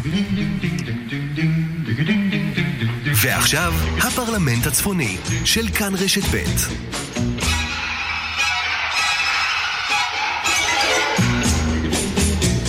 אורלי אלקלעי, שלום. שלום, ערב טוב. ערב טוב לרובי אמרשלג. ליל מנוחה, שלום שלום. הוא לא יכול לשמוע את המילה מתיחות יותר, רובי. מתיחות, דריכות, וזהו, כבר לא... יצא לו מכל החברים. אין מתח, אני משוחרר לחלוטין, הכל בסדר. נו, מה קורה בשעות האלה? עזוב את המתח, רב סרן שמואטי לאיזה דרגה הוא כבר הגיע. או, רגע, מיד נגיע כן. לזה. רגע, אבל תעדכן אותנו קודם מה קורה, הכל רגוע, הכל שקט, כולם, הכל במקום? רגוע, הכל שקט, דיווחנו במהדורה על כך שבצה"ל אה, בעצם מעבירים מסר שהם עושים הכל כדי לשמר את השגרה ואת הנורמליות ביישובי גבול הצפון. יש כאן המוני המוני מטיילים בימים האלה, ומול זה צה"ל נמצא בכוננות מאוד גבוהה. אפשר לראות את זה גם בכבישים וגם בעוד כל מיני דברים בהתנהלות לאורך אה, גבול הצפון. אז כך שמצד אחד הצבא נמצא בכוננות גבוהה, מצד שני האזרחים נדרשים לשמור על אה, שגרת יומם עד כמה שניתן. ואתם יודעים, שוב ושוב היישובים אה, הקהילתיים פה מוציאים הודעות לתושבים, שמרו על שגרה, אם יהיה משהו, אנחנו כבר נעדכן. וזה ניסיון לתת איזושהי סטירת לחי לשמועות שמתרוצצות כאן בימים האחרונים, ובאמת חורגות מכל פרופורציה, ואני פשוט לא מצליח להבין את האנשים שבחוסר אחריות פשוט ממציאים סיפורים שלא היו ולא נבראו, וכל תנועה קטנה של כלי רכב הופכת כבר לפריצת מלחמה. יש אנשים שפשוט מחרחרים מלחמה ומחרחרים שמועות בוואטסאפ, וזה פשוט מטורף. מה, תן לנו את המצעד. צריך, לא, גם רובי כל הזמן צריך להכחיש. להזים. זה- הכתבים גם לא, לא, צריכים כל נכון. הזמן להכחיש ולהזים, זה פשוט לא נורמלי מה שהולך. זה נכון, תשמע, אתמול נכון. בשעה כזו, אני, אתם יודעים, בגלל שגם אנחנו כאילו, לוקחים את זה בערבון מוגבל, אז אני מחכה לראות מתי רובי יוציא את ההודעה. שימו לב, מדובר בהודעת שווא, זה לא נכון. זאת אומרת, אני כל הזמן מחכה לראות בחמ"ל אצלנו, נכון. בקבוצת כאן חדשות. אני לא וגם נעים יש לך עשרה בני משפחה. וחברים שרוצים לקבל ממך עדכונים על כל מיני קשקושים שלא היו ולא נבראו, לא, ואת מחכה לרובי לשמוע מה נכון. שבאחת מקבוצות הוואטסאפ אתמול, אני ראיתי דיווח בשמי על משהו שלא היה ולא נברא. זאת אומרת שאנשים מפברקים הודעות בשמי, ולך תוכיח שלא אמרת ולא היה, והקרב על האמינות מול קבוצות וואטסאפ ודפי פייסבוק כאלה ואחרים הוא מאוד קשה. זאת אומרת, אה, אני לא מתחרה בהם חס וחלילה, אבל לך תשכנע אנשים שכותבים לך בגדול על הוול בפייסבוק, אה, כן יצאה התראה על ירי כך וכך, וכל התושבים נקראו אה, להגיף חלונות. לא היה... כן, לא יש. אירוע חריג כך וכך, וכבר המסוק מגיע. כן, כן, נכון, גם זה היה היה. דבר כזה אתמול ליד קיבוץ גדות. זהו, היה לנו חייל, נכון, חייל שהתפוצץ ממוקש לא עלינו. נכון. כן, זה התחיל מזה שמישהו דיווח שהוא רואה עשן באזור של אה, קיבוץ גדות, משם זה כבר הפך, ל, כמו שאתה אומר, לחייל שעלה על מוקש, במסוק בדרך לרמב"ם עם החייל. מה לא קרה לך? כבר. אכן היה בדרך לרמב"ם, טוב שאתה הוצאת שלא היה שום דבר. צחוק צחוק, אבל כוחות גדולים של מגן דוד אדום הגיעו לאזור וסרקו ולא מצאו שום ברור, דבר. אומרת, ברור. וגם מצאו את כוחות הביטחון, אה, גם כוחות של אה, משטרה סרקו שם, ולא היה ולא נברא, ולך תשכנע, והמצב כרגע מאוד מתוח. אנשים באמת נמצאים על איזשהו סף אה, של סטרס, של חרדות, ולא צריך לשחק עם זה. אני פשוט לא מצליח להבין את האנשים שמנפיצים וממציאים סיפורים. איזה אושר זה גורם להם. אה, נגיד ששמעת שמישהו ראה עשן, איך מפה זה מתפתח לעלייה על מוקש ומסוק כבר בדרך לרמב"ם? אני לא מצליח להבין את הדברים האלה, לא מבין את. הדינמיקה לא. נורמלי. ולך זה לא. נורמלי. אגב, הקבוצה החביבה עליי במיוחד זה המאזינים לרעשי המטוסים, שיודעים לפענח כל מטוס, כל רעש, בדרך לאן, בדרך לאיפה. הוא תוקף. לא, חן, הם עובדים עכשיו בפול טורבו, זה לא- זה לא נורמלי. לא יאומן. זה לא נורמלי. כן, זה- זה באמת בעייתי, ואני אמרתי את זה בכמה וכמה מהדורות, ואני אגיד את זה בכל מקום שאני אוכל. חברים, תורידו את האצבע מהמקלדת בוואטסאפ, תהיו זהירים, אה, בעיקר אם אתם לא גרים באזור הזה, זה מוביל להרבה מאוד אה, חששות וחרדות מיותרים. אם וכאשר יהיה אירוע אמת, תאמינו לי, כולם ידעו על זה מהר מאוד, דרך הגורמים המוסמכים. יש גם הורים לחיילים שנמצאים, בכל היישובים. הקהילתיים, נכון. אה, בכל היישובים הקהילתיים יש מערכות של יידוע של התושבים. אה, זאת אומרת שמהר מאוד המידע יצא למי שצריך לצאת, וגם אנחנו בכלי התקשורת נעדכן כשיהיה על מה לעדכן. תנו אמון, תהנו מהשקט כל עוד יהיה שקט, צפון יפהפה. וגם אה, תשחררו. תשמעו, רובי זה העבודה שלו, הוא צריך לרדוף אחרי כל ידיעה, אבל אתם, מה, תתרווחו, מה יש לכם? כן. לא, לא, זה, אתה יודע, גם תחשבו רגע על ההורים של החיילים שנמצאים אה, אה, בגבול הצפון, הודעה כמו אתמול, מה זה גורם, לאיזה סחרחורת לכל הצבא עם טלפונים, לכל מיני יחידות כאלו ואחרות כדי לבדוק באמת אם הכל בסדר. מיותר, מיותר, מיותר, קחו אני אחריות. רוצה להשלים את זה בעוד משהו. אתם יודעים מה? בסופו של דבר, יש פה קרב על התודעה בין מדינת ישראל לבין ארגון שנקרא. חיזבאללה הרבה מאוד תומכים. חלק מזה זו לוחמה פסיכולוגית שמנסים לגרום לנו לחרדות. לא סתם אה, חסן נסראללה ביום ראשון בנאום שלו דיבר אל ועל תושבי גבול הצפון. קחו את זה בפרופורציות, אל תשחקו לידיים שלהם, בואו נשמור על פאסון. זה חלק ממאבק הרבה יותר גדול, ובואו נהיה בוגרים. עכשיו שהם- שמסתובבים ב- בצפון יש תחושה נורא מוזרה, כי הרי בסופו של דבר מתיחות ודריכות, הלכה למעשה זה שום דבר. זה שגרה שממתינים שאולי משהו יקרה. נכון, ו- והצבא צריך אה, להבין, בשביל זה אנחנו משלמים למערכת הביטחון, שישמרו עלינו, וזה טוב ונהדר, ואנחנו צריכים לשחק את התפקיד שלנו, ובאמת, לשמר את השגרה הזאת. אתם רוצים שאני אספר לכם, דרך אגב, איך שומרים על שגרה בקיבוץ שנמצא ממש על אה, גבול לבנון? לך על זה. נו. אז תשמעו, ידיעה שלא תיכנס בשום מקום אחר, אבל בשביל זה אנחנו כאן. כפר סטודנטים חדש מטעם ארגון קדמה יקום בקרוב בקיבוץ מנרה שנמצא ממש על גדר הגבול עם לבנון. הכפר. הזה מונה כ-30 סטודנטים שהם אמורים להיות חלק מהקהילה. אה, הם ייקחו חלק בהמון אה, מיזמים חברתיים וקהילתיים, וזה כבר הכפר השני, יש כבר אחד כזה שקם בקיבוץ משגב עם, שהוא ממש ממש על גבול לבנון, וזה בעצם רותם אנשים אל ההתיישבות, אל אה, אה, המקומות הנידחים האלה בפריפריה, שצריכים לא פעם את החיזוק החברתי הזה. אז אה, הנה, זו עוד הוכחה לזה שאנחנו כאן ונותנים אה, מאבק ומחזקים את היישובים האלה על גבול לבנון עם אה, דם צעיר ואנשים עם הרבה מוטיבציה. כן ירבו. אורלי, מה העסיק אותך ב- בימים האחרונים? כלום, חמש שעות ליד כלא רימוני. ככה, בשמש, בשיא ה... אצל רובי, כשאתה יושב בצפון, יש איזה יש אוויר טוב, כן, זה המזג נכון. אוויר אחרת. כשאתה יושב באזור השרון, ככה ליד כלא רימונים, עם החום, אה, והזירה שנוטפת, אה, וגם, אתם יודעים, אה, אין ספק שזה משהו שהעסיק ותפס מהדורות וכותרות. אנחנו מדברים על יונתן איילו. יונתן איילו שמגיע אה, לוועדת השחרורים לאחר שהוא יוצר את תנאי השחרור שלו, אה, שלוש פעמים, כך טוענים בוועדת השחרורים. אה, אני מדברת איתו לפני שהוא נכנס, הוא היה מאוד מתוח, הוא ישב על ספסלי העץ בכניסה לכלא רימונים, המתין שעורך דינו יגיע ויוכלו להיכנס פנימה, שיאפשרו להם להיכנס. הוא היה מאוד מתוח, הוא אמר לי, לא ישנתי בלילה. אני מאמין שיהיה בסדר.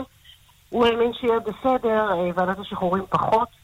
זה לקח ארבע שעות בערך, מהרגע שהם נכנסו, ועד שעורך דינו יצא לבדו, ויונתן היילו נכנס לשנה בפנים, באותו רגע. חזר לכלא, חזר לכלא. חזר לכלא, אבל אתם יודעים, באותו הרגע. לא יאומן. גם אם עורך, די- עורך דינו אמר, אנחנו, אני אערער למחוזי על ההחלטה, אבל באותו הרגע ועדת השחרורים אומרת, עכשיו אתה עושה קליטה של אסיר, למשך שנה, אתה נכנס לשנה, לא את פרק הזמן שנותר לו, כי הקציבו את, אה, את, אה, מאסר, את אה, גזר הדין שלו ל-12 שנים, הוא, הוא היה בכלא בערך 9 שנים, אז לא את השלוש שנים שנותר לך כאסיר ברישיון, אלא, אלא שנה, ולאחר שנה הוא משתחרר. זה לא שהוא צריך להגיע שוב לוועדת שחרורים או משהו כזה, כי לא גזרו את כל יתרת העונש. סליחה? כל זה למה? למה הוא חוזר לכלא? היו תלונות אה, שהגיעו לוועדת השחרורים שיונתן הילו, אה, כשהוא שותה, כשהוא צורך אלכוהול, הוא מגיע למצב של תגרה, היו לו קטטות, אה, המארחים שלו בקיבוץ שבו הוא שהה. אז נגיד שזה. זהו, כאן אצלנו בצפון, בקיבוץ כברי. בדיוק. קיבוץ כברי אה, אמרו שהם כבר לא רוצים להחזיק בו, אה, פעם אחת ערבו את הקב"ט, הקב"ט של הקיבוץ נאלץ להגיע, וכאן למעשה הוא עושה את השחרור שלו מוועדת השחרורים. צריך להיות אסיר למופת, לא להסתבך אה, עם אה, קטטות ואלימות ואלימות מילולית, וגם לא אלימות פיזית. וכמו שאמר עורך דינו, האצבע המאשימה מבחינתו זה כלפי, למעשה הממסד. אדם יוצא מבית הסוהר אחרי תשע שנים ללא שום הכוונה, ללא שום יד מכוונת, אה, התמודדות עם החיים שבחוץ. אה, המצ... הסיפור שלו גם כל כך מורכב, זה לא אדם שבא מעולם הפשע, שנכנס ויוצא ונכנס ויוצא ודלת מסתובבת. אה, כמו שרבים אה, מכירים, אתם יודעים, כשאתה נמצא בכלא רמוניו, אה, בכלא הסורון, ואתה גם מדבר עם אנשי שם, אז לפני שבוע הייתי בגלל מישהו אחר שיצא לחופשה של שש שעות, אמירם הוכברג, ועכשיו זה היה יונתן אה, היילו, אבל כשאתה מדבר עם האנשים, אומרים, יש אנשים שברגע שהם יוצאים, הם אומרים לנו, אני חוזר עוד כמה שעות. משתחררים, ויודעים שהם יעשו הכל כדי לחזור. אבל יש מי שמלווה. אותם, הרשות לשיקום האסיר לא אמורה ללוות אותם בתהליך הזה? בעיקר במקרה כזה מורכב. כי הרשות לשיקום האסיר כן מלווה, אבל אתם יודעים, זה לא בייביסיטר, זה לא מישהו שגר איתו אה, וחי איתו יד ביד. וכנראה שהמצב הנפשי שלו וההתמודדות שלו לאחר מכן, שהסיפור שלו פורסם ברבים, התמיכה הגדולה שהוא זכה, הוא זכה לתמיכה גדולה, שגם נאבקו בשבילו, וגם הנשיא ראובן ריבלין, שקצב אה, את עונשו לאור ועדת, ה, אה, ועדת השחרורים שקיבלה את, את אה, בקשתו של יונתן איילו. היו המון אנשים שתמכו בו, ומשהו כמו בועה שהתפוצצה בפנים. עכשיו אתה צריך להתמודד עם החיים בחוץ, עכשיו אתה צריך להתמודד עם, ה... עם העולם הזה שאתה תשע שנים לא מכיר, וכולם מכירים את הסיפור שלך, וכולם יודעים מה קרה. אה, יצא לי, אני לא חייב להגיד. לכם, לדבר איתו אה, שלוש פעמים בחודשים האחרונים, והוא עבד, הוא סיפר שהוא עבד במכולת בכברי, וניסה, הנושא של הפרנסה היה לו מאוד קשה, ניסה למצוא עבודה בחוץ, אה, מכניסה יותר, לא כל כך הצליח. היה לו קשה מאוד להתמודד ולמצוא עבודה, ולפחות מבחינה כלכלית להעלות את החיים שלו חזרה על איזשהו מסלול, ואני מניח שגם לזה אה, היה איזשהו משקל בהידרדרות המחודשת הזאת. אני יכולה לומר לכם שהוא פרץ בבכי כשהוא שמע שהוא נכנס. באותו רגע, הוא גם לא, אני נורא צרם, אתה יודע, כשאני אני נזכרת כשהם מגיעים לוועדת שחרורים, או שהם מגיעים, אתה רואה בדרך כלל איזשהו תיק, לוקחים איזשהו משהו בראש של, ייתכן מאוד שאני לא אצא. הוא לא הגיע עם תיק, הוא לא הגיע עם חפצים אישיים, היה לו מאוד ברור שהוא כן יוצא. זה היה לו מאוד מאוד ברור, והשוק הזה של פתאום, לאחר אה, כמעט, שנה כמעט, שנה, שהוא היה אה, משוחרר וחי בקיבוץ ועבד, ופתאום להיכנס שוב לסטטוס הזה של אסיר ולהגיע לאותו מקום, אה, הוא מאוד היה לו קשה, והוא התפרק שם בוועדת השחרורים, וכשראיתי את עורך דינו יוצא מהכלא, וראיתם שגם עורך דינו כבד עליו ומרגיש מאוד מאוד מאוד רע עם זה, ואמר, אני הולך על זה אה, למחוזי, אני הולך לערער, ועדיין, יונתן אוילו יישב אה, בכלא, גם אם הערעור אה, יתקבל, והוא יתקבל בטח בחלקו אולי. אם הוא יתקבל אז הוא יהיה בחלקו, לא קל, לא קל. לא, סיפור אנושי מטלטל. אני אספר לכם לסיום, במעבר קצת חד, ש... לא, רגע, רובי, חכה. רובי, לא, תקשיב. הוא, אתה יודע, אתה יודע שחיל עבר עלה עליך מבחינת הפלייליסט, כן? זה ברור לך.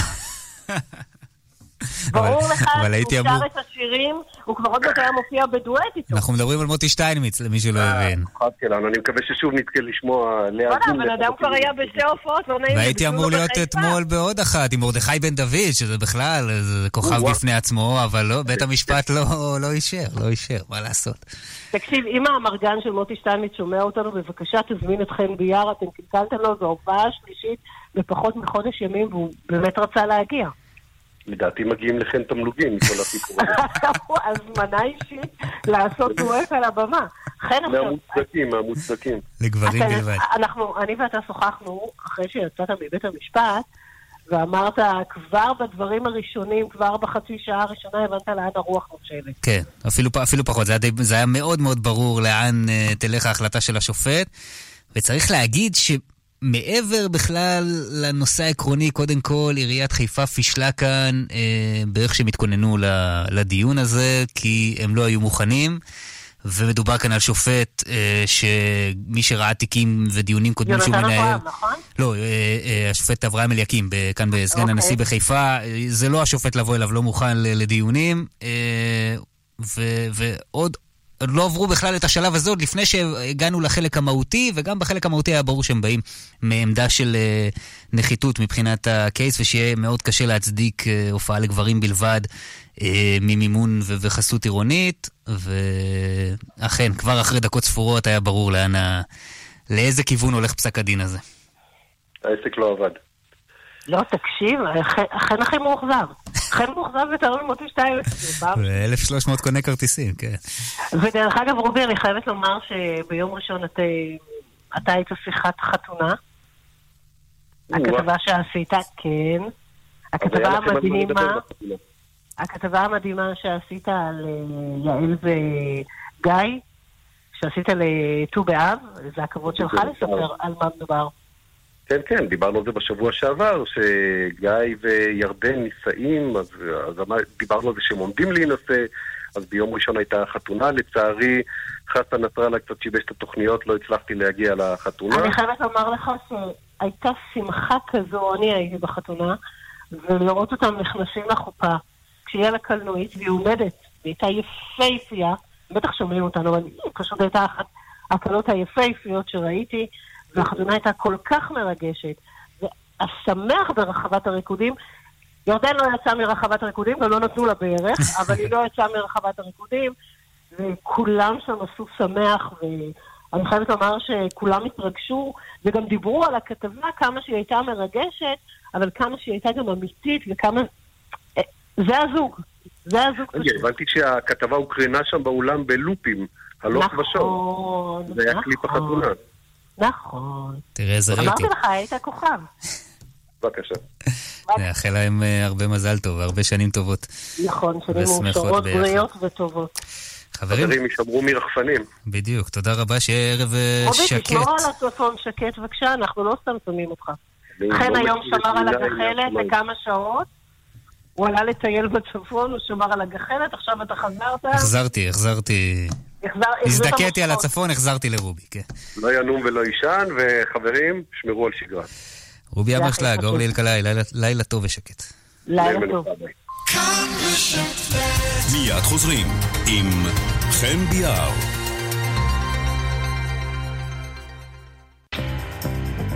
קדילק XT 5, עכשיו החל מ-299,990 שקלים, לזמן מוגבל בכל אולמות התצוגה של קדילק. התקשרו כוכבית 3256, כפוף לתנאי המבצע.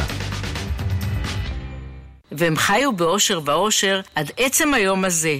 הסוף. יאללה, קדימה, עוד סיפור. אבל סמו, הקראתי לך עכשיו ספר שלם. אבל השני ב-80% הנחה בסטימצקי. בבקשה, נו, please, please, please. בלעדי ללקוחות ישראכרט. ספר שני ב-80% הנחה על מבחר ספרים המשתתפים במבצע ברשת סטימצקי. לקבלת ההטבה היכנסו לאתר ישראכרט או ליישומון אפליקציה. תכלס, אין על ישראכרט. ספרים זה סטימצקי. כפוף לתקנון.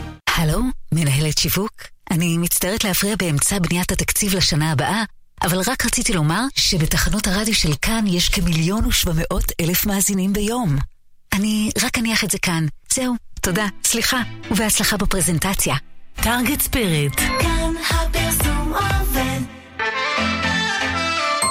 פי סקר TGI ינואר עד יולי 2019 בקרב בוגרים 18 פלוס ביום חול ממוצע. אמריקה הלטינית מחכה לכם. LATAM Airlines, טיסות ישירות מתל אביב לאמריקה הלטינית. יותר מ-120 יעדים מדהימים ברחבי היבשת. ברזיל, צ'ילה, ארגנטינה, אורוגוואי, פרו, אקוודור, קולומביה ועוד. ב-799 דולר לאדם הלוך ושוב. הזמינו עכשיו אצל סוכני הנסיעות. LATAM Airlines, כפוף לתקנון. סוגרים את החופש הגדול במשביר לצרכן. איפור טיפוח ובישום שבמבצע ב-35 אחוזי הנחה למועדון. המשביר לצרכן, כפוף לתנאי המבצע. כבר שנים שאני גרה לבד, אבל בתקופה האחרונה אני מרגישה שהלבד נהיה קשה ממש. שלום, כאן רפי קרסו, היועץ הרפואי של בית בכפר. ואם גם אתם מתקשים עם הבדידות, אני מציע שתצטרפו אלינו לבית בכפר במסלול הליסינג. תשלום חודשי, בלי פיקדון, בלי התחייבות ובלי למכור את הבית. התקשרו, 1-800-30-70-70. בית בכפר, רשת דיור מוגן מובילה בישראל, כפוף לתנאי ההתקשרות עם החברה. והם חיו באושר ואושר עד עצם היום הזה. הסוף. יאללה, קדימה, עוד סיפור. אבל סמו, הקראתי לך עכשיו ספר שלם. אבל השני ב-80% הנחה בסטימצקי. בבקשה, נו, please, please, please. בלעדי ללקוחות ישראכרט, ספר שני ב-80% הנחה על מבחר ספרים המשתתפים במבצע ברשת סטימצקי. לקבלת ההטבה היכנסו לאתר ישראכרט או ליישומון אפליקציה. תכלס, אין על ישראכרט. ספרים זה סטימצקי. כפוף לתקנון. אבל דבר אחד... אתה לא פוגש את יריביך הפוליטיים אבל אף פעם. אני לא מוכן, תראה, אל תגיד לי... למה הוא פוגש את גדעון סער אתה פוגש? הוא יריבך הפוליטי. רגע, אתם רוצים לדבר ביניכם או לא, רוצים... לא, לא, רוצים לדבר איתך. אז תנו לי בבקשה להשיב. ואני אגיד לכם. ירון דקל ועמית סגל, בכל חמישי, ב-8 בבוקר. כאן רשת ב'. כאן רשת ב' כאן צפון, 10 ועוד 25 דקות, רוני אסד, שלום. שלום, שלום. עכשיו אה, עוספיא, איפה הכלבים עכשיו? אני, האמת שאני לא יודע איפה הכלבים, אם לא רוצים להגיד לי איפה הכלבים, הגשתי היום בקשה לבית משפט לקחת את הכלבים בחזרה. לקחו אותם להסגר. להסגר. בגלל שהם צדו... בגלל, בגלל, לא, הם לא צדו לי צ... הנה, בוא, בוא, בוא נבהיר, תגדיר את אתה, הדברים. תגדיר אתה. בוא נבהיר את הדברים לי טוב. הכלבים הקריבו את עצמם למען להציל את החיים שלי. אם לא היה לי את הכלבים, אני לא הייתי בחיים. מה הייתה סכנת החיים? מה סכנת החיים? שני מטר צבועים מחכים לי מאחורי הרכב. שני צבועים הגיעו. שני צבועים. אליך הביתה. אה, אליי לבית. הדברים האלה, אני לא מבין איך משחררים דבר כזה. לא האמנתי שישנם דברים כאלה. תשמע, ישנם הרבה מטיילים באזור, הרבה אנשים שעושים ספורט. הילדים שלי יוצאים מפה ומסתובבים פה בשכונה. ישנה פה משחקייה של ילדים. ישנו בית ספר פה. אין שום שלט שמעיד על שישנם צבועים פה, אין שלט אזהרה, אין, אין גדרות. אני אף פעם לא שמעתי, לא, לא ידעתי שהחיה הזאת היא מוגנת. וחיה מוגנת כזאת, לדעתי, ולדעת כל הקהל, והיום נפגשתי עם ילדים, עם בית ספר שלם שמטייל עם הילדים, ואמרתי להם, תזהרו, ישנם צבועים פה. הילדים פחדו, המורים פחדו. אף אחד מאיתנו לא יודע שישנם צבועים מסתובבים בינינו. זה לא חיית מחמד. היום, ואנחנו לא גרים באפריקה. אנחנו גרים במדינת ישראל, אין להם אוכל מספיק. הם מחפשים את החיות שאנחנו מגדלים. אבל תגיד, לתת לכלבים לתקוף אותם, להרוג אחי- אותם למעשה אחד מהם, לעודד אותם לעשות את אתה- זה, אתה זה לא אף- לקחת את החוק אחד לא לידיים? היה- אף אחד לא היה במקומי, והרגיש את ההרגשה שאני הרגשתי, שצבועים באים לחטוף, לחטוף אותך, לחטוף את הילדים שלך, לאכול אותך, והכלבים שלך, הכלבה שלי הקריבה את עצמה, זה כלב אחד שהיה משוחרר. זו הכלבה, הנקבה הקטנה, הקריבה את עצמה למעני עד שאני שחררתי את הכלב השני. מה אתה רוצה שאני אגיד להם? אני, הרג... אני אף אחד לא הרגיש את ההרגשה שאני הרגשתי. אני לא מאחל לאף אחד את ההרגשה הזאת, ואני לא מאחל לאף אחד שייתקל עם צבועים לבד ביער בחושך. עכשיו תגיד, אתה בעבר פנית, דיברת עם הרשויות? אני לא ידעתי שישנם צבועים פה בכלל. כלומר, זו פעם ראשונה שנתקלת בסיטואציה. אחי, מי, למי, למי זה... למי, מי חושב על דבר כזה שישנם צבועים מסתובבים בין האנשים? צבועים וזאבים. עכשיו תיכנס, תיכנס לפייסבוק ותקרא את ההודעות. יש הרבה אנשים שנכנסו להם לבתים. צבועים וזאבים. איפה אנחנו חיים? בג'ונגל? מה בגלל שאנחנו כפר? אם זה היה קורה בתל אביב או במקום אחר, היו מתייחסים לזה ככה. תראה, אולי בתל אביב אולי זה קצת אחרת, כי זו עיר גדולה, וגם בח... בחיפה, אתה יודע מה? גם אנחנו, גם רגע. אנחנו בני אדם. לא, בהחלט, בהחלט. אבל ביישובים כפריים שחיים בסמיכות ליער, כמו עוספיא, ואתה יודע מה, גם חיפה שהיא עיר אה, גדולה, לא כמו תל אביב, אבל עיר גדולה, ויש בה אזורים שגובלים עם אזורים מיוערים, אז יש פה חזירי בר מסתובבים לפעמים, כן, ויש אבל אני פה אגיד לך מה חיות, כן. הבעיה, הם הביאו אותם בגלל חזרי הבר. הם פותרים בעיה בבעיה. כמו שהציפור שהביאו אותו, הציפור הכחול הזה. הביאו אותו בשביל לפתור בעיה, היום הוא חזיר עז בסך הכל הציפור הזה. הוא אוכל כל דבר. לא פותרים בעיה בבעיה. בשביל לפתור את הבעיה של החברים. אתה מביא לי, מביא צבועים לבין אנשים? אתה מביא חיה כזאתי? איפה ההיגיון? אנחנו לא בג'ונגל. הופתעת שהשוטרים הגיעו? ששוטרים הגיעו, האמת שאני אגיד לך, מאוד הופתעתי. אני באותו לילה זה קרה לי ברביעי בלילה בחצות. אני בבוקר התקשרתי לרשויות, התקשרתי לווטרינר, אני הזמנתי אותם. הם אומרים שזה ציד. אם זה היה ציד, אני יכלתי להעלים את זה. אני פחדתי על כל האנשים שלא יהיה כלבת. לפני חצי שנה הייתה מחלת כלבת בכרמל. בגלל הצבועים ובגלל זה. אני פחדתי על כל, כל האנשים. פחדתי על הילדים האלה שמסתובבים פה. יכלתי להעלים את זה, ולא להגיד לאף אחד. מי יכול לדעת? זה, זה מה שמגיע לי. מתי תקבל את הכלבים בחזרה? אני לא יודע. אם לא ייתנו לי את הכלבים, אני לא יודע מה לעשות. זה, זה לא הכלבים, זה הבנים שלי. אם תסתכלו בסרטונים איך הכלבים, איך, איך הכלבים האלה מגודעים, איך הם מתייחסים לאנשים. השוטרים הגיעו, אני לא הייתי בבית, זה יום הולדת שלי היה דרך אגב, ב-25 לשמיני. הגיעו אליי, והבעיה שביום רביעי שהפקח הגיע, אמר לי, אני אתקשר אליך ואני אגיד לך מה, מה קורה. לא היה להם מקום איפה לשים את הכלבים. חס וחלילה. אם היה לכלבים מחלת כלבת, הם כבר הדביקו אותנו ארבעה ימים אחרי. איזה סוג הכלבים אגב? אה, אקיטה. הבנתי. רוני אסד, אחרי ארבעה ימים הגיעו השוטרים לקחת את הכלבים, בלי להודיע, פתאום אני רואה פה כאילו שבא לקחת מחבל. אחי, אני אגיד לך עוד משהו אחר. כן. כל מי, כל מי שעושה טוב במדינה הזאת, כנראה מגיע לו עונש. החייל שלנו שהרג את המחבל, עשו ממנו... לא. עזוב, אל תיקח את הדיון לשם, אל תיקח את הדיון לשם. אני, בגלל שאני... הכלבים הצילו את החיים שלי, לקחו אותם, הפכתי להיות טרוריסט, התייחסו אליי כטרוריסט, הזמינו לי פה חמש ניידות, איזה חמש עשרה שוטרים, לקחת את הכלבים. לקחו את הכלבים שלי בשיטה לא יפה, ובשיטה מגעילה, בטנדר סגור, בלי אוויר, ביום חם, בשעות הצהריים. אתם, מה? זה עונש, עונש לכלבים. רוני אסד, אתה מוזמן להמשיך להאזין, אנחנו ממשיכים לדבר על הנושא הזה, ואנחנו נמשיך לעקוב. תודה רבה ומזל טוב ליום לילה ההולדת. תודה לכולם. ליעד לינק, שלום. היי, ערב טוב. ערב מצוין, ממונה חקירות אה, מחוז צפון, אה, רשות הטבע והגנים. למה בעצם, מה העבירה פה? מדוע נלקחו הכלבים ומדוע נחקר אה, רוני אסד? אני, אני, אתה יודע, אני עדיין די בהלם מהשיחה הקודמת, ואני חושב שקהל המאזינים אה, התרשם מדבריו בעצמו. העבירה שאנחנו חק... חוקרים אותה, ובגינה נתפסו הכלבים, היא עבירת ציד. השיסוי של הכלבים באותו צבוע מסכן, ואתה יודע, אל מול אותם אגדות עם אה, בדבר חטיפות ילדים וכדומה, אני מעדיף לא להתייחס. החוק במדינת ישראל אוסר על שיסוי בעל חיים בבעל חיים, ובטח עם קריאות עידוד ושמחה. אז לבוא ולשאת את אה, תואר אה, שהוא אה, חושב שמגיע לו, מצטער מאוד, האדם חשוד בעבירה פלילית. לא מתכוון להיכנס לחקירה ולמשמעויות שלה, אני יכול להגיד רק שאני, אתה יודע, אני סוחב את זה איתי כמה ימים, כן, כמישהו שמלווה תיקים אה, של עבירות הציד. והסרטון הזה, ותקן אותי אם אני טועה, הוא רע, הוא רע, הוא, אכזרי. אה, אין לי יותר מה לומר, כאילו, אתה יודע. עכשיו, צבוע חיה מוגנת למי, ש... למי שלא יודע, בעצם כמובן שאסור אסור לצוד אותה. הצבוע המצוי בישראל, אותו צבוע מפוספס, אה, חיית בר על סף סכנת הכחדה, חיה מוגנת בישראל, חיה שאינה תוקפת.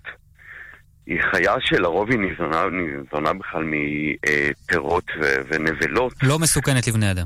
לא מסוכנת. אני לא, אתה יודע, לא ילך ו... ואתה יודע, גם כלב, שאתה תעמיד אותו בפינה, הוא יגן על עצמו. אותו דבר זאב, אותו דבר טן, אותו דבר שועל. אה, בשעת מצוקה יכול מאוד להיות מצב שלהגיד לך שזה קרה, לא קרה במדינת ישראל שצבוע תקף אדם. חד וחלק, לא קרה. עכשיו, לגבי אותם מגורים של אותו אדם, אותו מקום שהוא גר בו, המקום מגורים שלו אה, קצת קצת מחוץ לכפר, ואני לא רוצה להיכנס לזה, הוא חי בשטח. מקום מחייתו של הצבוע במדינת ישראל כחלק מחיות הבר שחיות בישראל, וכמו שיפה אמרת, גם אותם חזירים שמסתובבים ברחובות חיפה שאנחנו רואים, ויש עם זה את הקשיים, אתה יודע, של אותה, אותו שילוב האדם והחיה ומי היה פה קודם ולמי יש את הזכות. המקום שבו אותו אה, חשוד ששוחח איתך קודם לכן, נשמע באותו סרט שהוא העלה. עכשיו, שלא יספר סיפורים שזה עלה מ...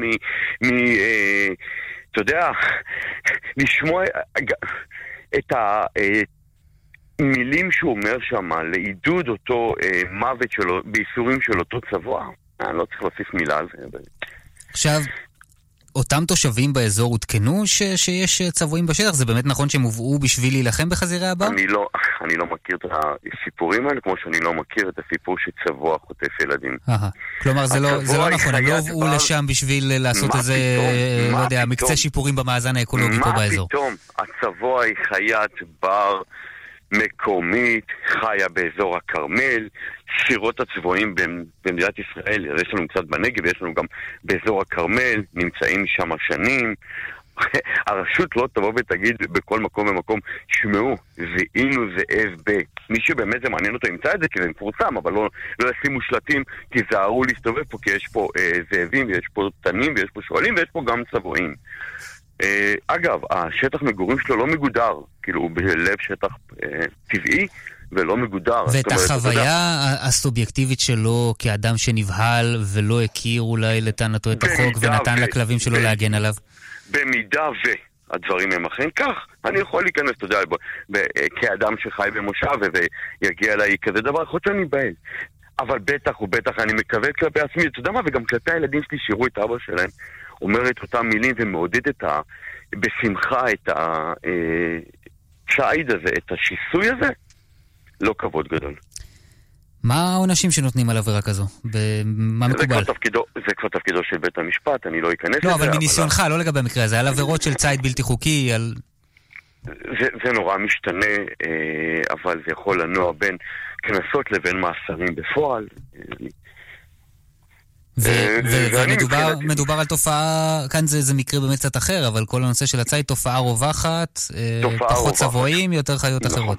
חיות אחרות שרובן לצורך מאכל, שלא כמו במקרה הזה, שלצורך ההתאכזרות. ליעד לינק, ממונה חקירות מחוז צפון ברשות הטבע והגנים, תודה רבה, לילה טוב. שיהיה לילה טוב, תודה רבה לכם. ביי. אנחנו אל התרבות הצפונית עכשיו, והיום אנחנו שמחים מאוד לארח כאן את מלכה והנסיכים.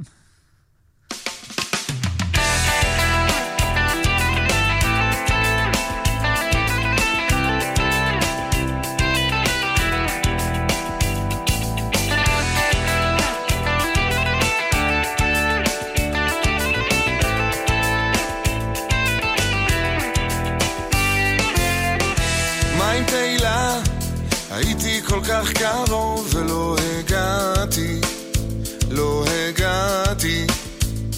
הרגליים כואבות וכמעט שהשתגעתי, השתגעתי. אז תחבקו אותי, אני מתפורר. אל תהיו מנומסים כי אני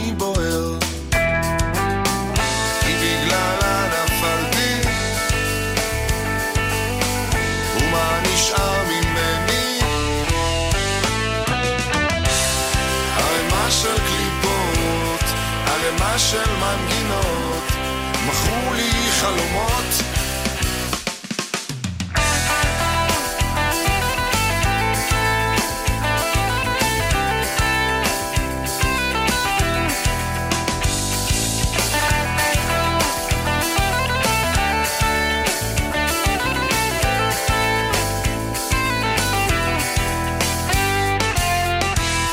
התפילה, תכוון ישר והיא תגיע, היא תגיע. תחמם את הלב, תעגל את הריבוע, הריבוע. וכשתחליט לצאת מהמסתור, אז החושך יהפוך לאור. להיוולד פעמיים, לחדור בתוך המים. תמצא מנוחה,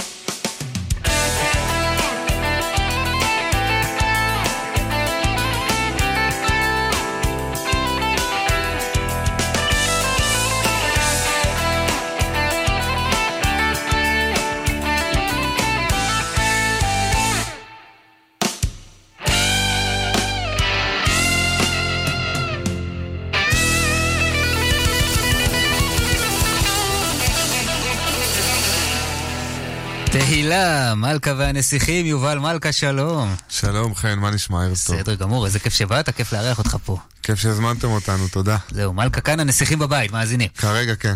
טוב, קודם כל, בסולו גיטרה בסוף זה כבר לא עושים כאלה יותר, נכון? זה... אני שליח ואמור להחזיר את זה, מקווה להחזיר את זה. עטרה ליושנה. בדיוק. טוב, זה שיר על מאבק, נכון? זה... הרבה מאבק. אתה יודע, זה... הרבה חברים שלי שמתעסקים במוזיקה אומרים שזו הטעות הכי טובה שהם עשו בחיים שלהם. אז אה, אתה יודע, זה, זה על זה, זה מאבק כזה, על, על, על כל העניין הזה של להיות מוזיקאי ב-2019, כל כך הרבה פילטרים ו- ו- וקשיים שמקשים ממך לעשות את זה באופן טהור וטבעי, אז אה, לפחות יצא מזה שיר, כן. אתה מגיע אלינו משאר יישוב. הכי צפוני שיש. וג- וגם הנסיכים הם אה, גליל נכון. עליונים. את האמת שהבסיסט שלנו ממטולה, ואגב, את הקליפ... יש יותר צפוני ממך. אפילו. בדיוק. ואת הקליפ עצמו צילמנו במטולה, אצלו, בבית שלו, אז אתה רואה גם כזה בפריימים את המוצבים של חיזבאללה, כי זה היה בגינה שלו בחוץ. אקטואלי משהו. בדיוק. תגיד, איך, איך התגבשתם? מה זה חברי ילדות? זה משהו שקרה... האמת שגרתי בתל אביב ארבע שנים, ושם היה לי את הנבחרת שלי, ואחרי שסיימתי שם אמרתי אני חייב לחזור הביתה, והבאתי שם, הקמתי את זה על טהרת החברים והחבר'ה מהצפון, וכל אחד מה, ממי שמנגן שם הוא מביא את הצבע ואת האופי שלו, וביחד זה קוקטייל שאני מבסוט ממנו. כולם מהצפון חברים. דבר איתי רגע על הלחזור הביתה הזה, זה... זה, זה, זה, זה עניין, כי בתכלס אני, אני גדלתי כל הזמן בשאר יישוב, וחונכתי כאילו, גדלתי על מוזיקה שמה, ואתה יודע, סיפור קלאסי של מוזיקאי, לעבור לתל אביב, לנסות להתברג, ו- וניגנתי שם בהפקות עם כל מיני אומנים, והיה לי... במרוקאית זה נקרא רבינה. היה לי מועקה כזאת. שהייתי חייב לחזור כזה לשורשים, לעשות את זה מהמקום הבטוח, ועכשיו זה מרגיש לי נינוח, מרגיש לי נכון.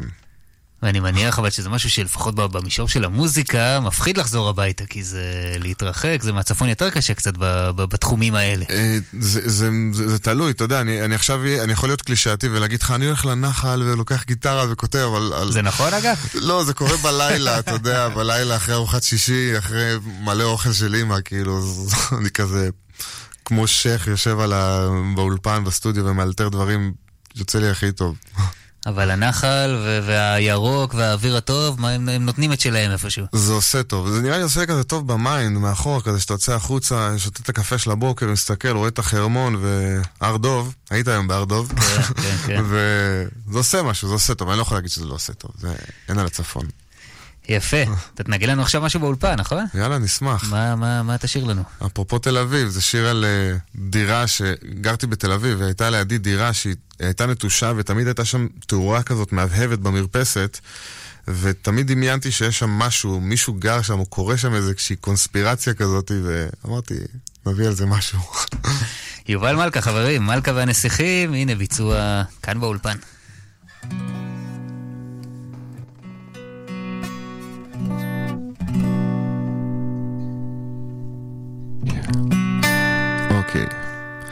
בדירה נטושה במרכז תל אביב, תאורת המרפסת תמיד מהבהבת, זה נותן הרגשה שיש מישהו בפנים, לפעמים אני מציץ, לפעמים, ויכול להיות ששם אישה זקנה שעושה כישופים ויוצרת עולם ויכול להיות ששם מדענים בחלוקים מפצחים נוסחאות על בני אדם.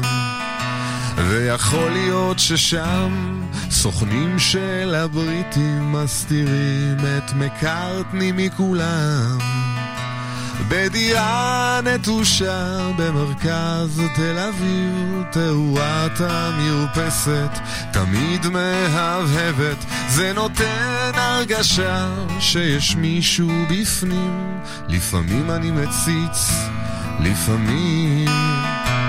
ויכול להיות ששם מפלצת על מוות קשורה אל הקיר ויש לה תיאבון, ויכול להיות ששם מסתתרים הכבדים שמושכים בחוטי העולם התחתון.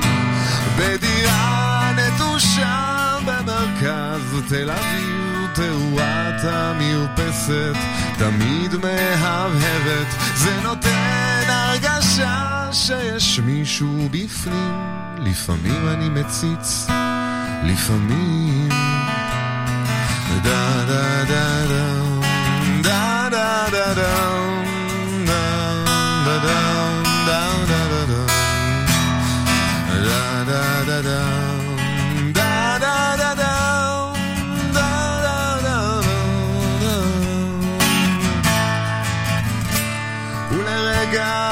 נדלקת תאורת המרפסת אישה בודדה מביטה בי בשקט ולא מוציאה מילה. כנראה היא חשבה שדירתי נטושה. קרובים רחוקים מסתירים שם סודות בתל אביב אין שכנים. יש רק מרפסות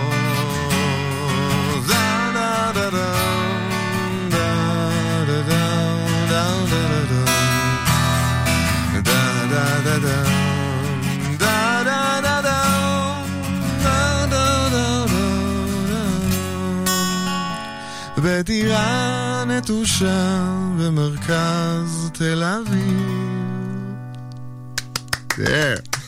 יובל מלכה, מלכה והנסיכים. השאלה המתבקשת היא האם בדקתם את הכיוון של מקארטני שם? ש... שמע, אני רוצה לשמור על זה בגדר הקונספירציה עדיין, אתה יודע. יכול להיות שעלית על משהו. הלוואי. תשמע, אמרת קודם, ככה בחטף, שהיית ניגנת בכמה הפקות, אתה מצטנע, אני דיבר, ניגנת עם uh, חתיכת uh, אומנים uh, מכובדים פה כן, ב- היו ב- כמה. בסצנה שלנו. היו כמה. היה את הדורבנים, גיא מזיג, Full Trunk יצא לי איזה שיתוף פעולה, The Paz Band, אפרים שמיר, ירמי קפלן. היה תקופה, תקופה יפה, אבל אין כמו מקורי, אתה יודע, זה ה... זה, זה, זה, זה, זה יותר, יותר מהכל, באמת, כאילו, זה ה... הדם, החמצן. וזה לקח זמן כי היית מה, צריך לעבור את התהליך איתם, או ש... תשמע, למדתי, למדתי ממש הרבה. ירמי קפלן פעם אמר לי, משפט שאני לא אשכח אותו, אמר לי, אני מחפש נגן שיהיה לי כיף איתו בוון, בדרך להופעות. כל השאר יהיה בסדר.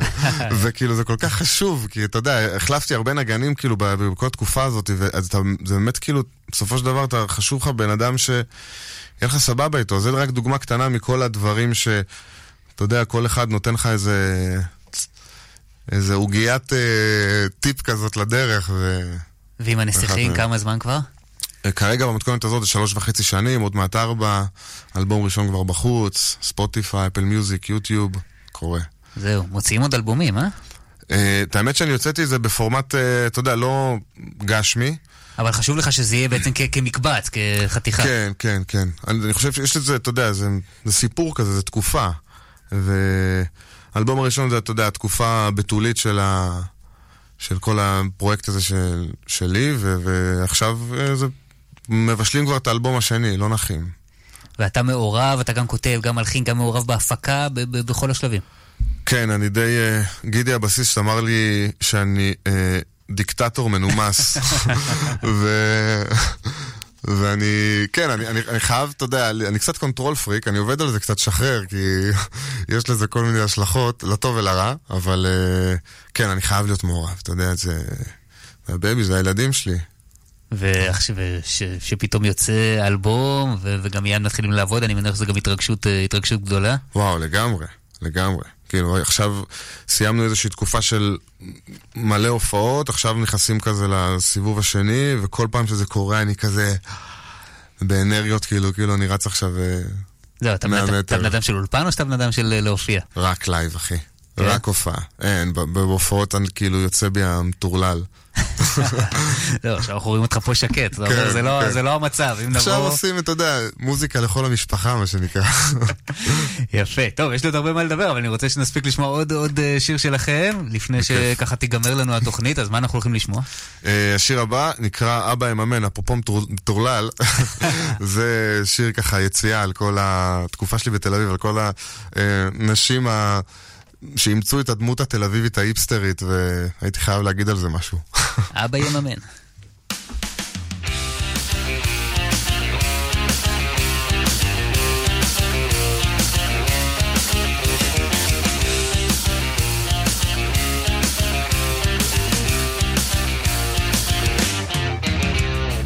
גרה שנים במרכז העיר ולא מתלוננת. יש לה ארבע כיווני אוויר בדירה משופצת. צועקת תיתנו לחיות לחיות פעילה חברתית. הזכירה לה סטודיו קטן לציור עכשיו היא אמנית. איזה גינונים איזה עקבים כשהיא מתהלכת מנגנים מלודיה כמה מטופחת צובעת הריסים שובל של ורדים היא תשאיר אחריה. וכולם שואלים וכולם לא יודעים שאבא שלה מממן. מממן לה את החיים. אבא יממן, אבא יממן, אבא יממן, אבא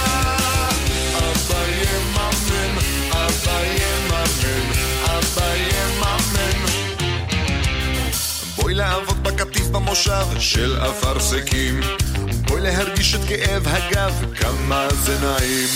והיא תתלונן אין לי זמן לישון. בבוקר בפילאטיס, בלילה אל היוגה. אני צריכה שבוע בצימר בצפון לשתות לי בג'קוזי, הפוך קטן על סויה. והיא תהלל כל היום את ברלין. שם יש ערך לאומנות. אין, אתה לא מבין. והיא תקטר על המדינה. כמה ערסים יש כאן, אני לא מבינה.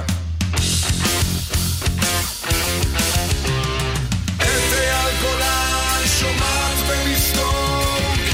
שידעו. היא מעפולה במקור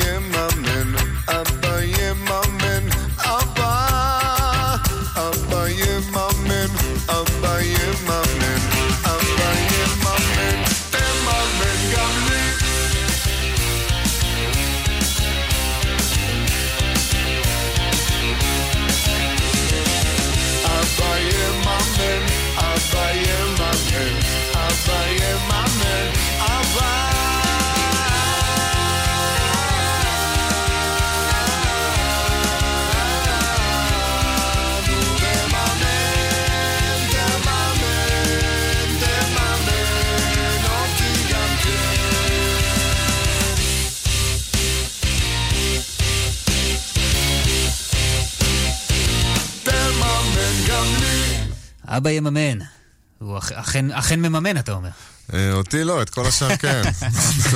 טוב, תשמע, נראה לי עשי- עשית לנו חשק. איפה איפה ההופעות? איפה רואים אתכם? אה? את האמת שבדיוק עכשיו סיימנו את הסיבוב כזה של הקיץ, נשאר עוד תאריך אחד ב-26 לתשיעי בשלומפר באשדוד, יש שם איזשהו אירוע כזה שנתי. אה, ורויטל המנהלת, הנסיכה, כבר סוגרת לנו את הלוח לחורף. אה, וכבר, אתה יודע, עובדים כבר על דברים חדשים, ו- וקורים דברים מגניבים. והכיוון ככה הוא אותו אה, כיוון מבחינה מוזיקלית, כי שמענו פה גם כמה ככה מכל מיני עולמות. כן, אני חושב שהכיוון הולכת לזה, אבל אתה יודע, אני, אני, אני לא יודע איפה, איפה מה, מה יותר יעבוד, מה פחות יעבוד, אני כזה... כל הזמן נותן, נותן לעצמי להשתנות כזה, אתה יודע, להיות אורגני, גם במוזיקה, כאילו, כל דבר... יפה. כמו שאפשר. ואתם גם באזור, אני יודע שבפאבים אתם אה, מופיעים הרבה, וכבר כן. מכירים אתכם היטב. יש תשתית. טובה, בעמק כן. החולה אתם כבר... אה, כן. כולם יודעים ומכירים. מכירים, יודעים, אוהבים, הבית. אז אפשר למצוא אתכם גם שם, אני אני מניח, נכון. תחפשו טוב, וזהו, תעקבו, יש ספוטיפיי, יש אפל מיוזיק. ספוטיפיי, וגם אני רוצה להגיד תודה להיט רקורד שהביאו אותנו לפה, תודה רבה. יובל מלכה, שמחנו מאוד.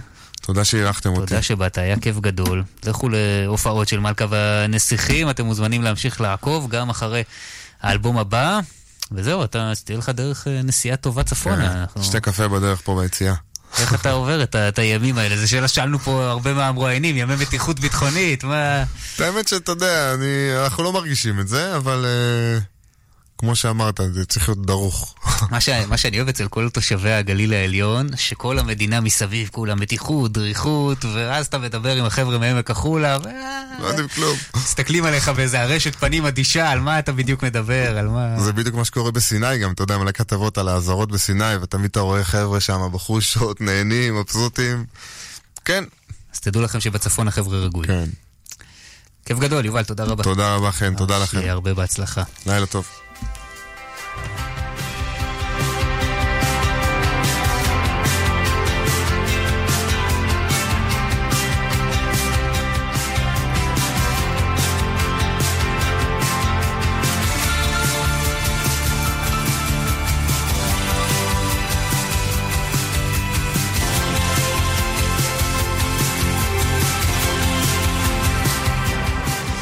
כאן אנחנו חותמים את השעתיים האלה של כאן הלילה. תודה רבה קודם כל לכם שהאזנתם. תודה רבה לאתם נוואבי שערך והפיק את המשדר הזה. זה לאוסקר טרדלר על הביצוע הטכני. כאן הלילה, מיד אחרינו. אני חן ביאר נפרד מכם. נשתמע כאן גם בשבוע הבא, יום שלישי, תשע בערב. שלום שלום, המשך האזנה טובה.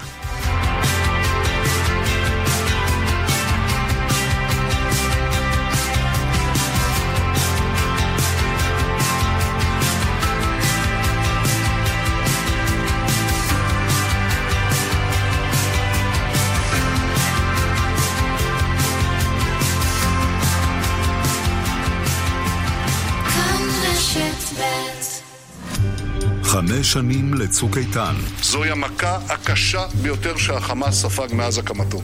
כאן רשת ב' במשדר מיוחד. כרמלה מנשה וגל ברגר חוזרים אל הקולות ואל הסיפורים מהמבצע הצבאי הדרמטי בעזה. חמש שנים לצוק איתן. מחר, שמונה בבוקר. כאן רשת ב'. מתנות לראש השנה, איפה זה תופס אתכם? ביותר ממאה רשתות, תופס. במגוון בתי קפה, אטרקציות ומלונות, תופס. ברמי לוי שיווק השקמה, גם תופס. בראש השנה, תנו לעובדים תו שתופס במלא מקומות. חפשו בגוגל, התו המלא של רמי לוי. והם חיו באושר ואושר עד עצם היום הזה.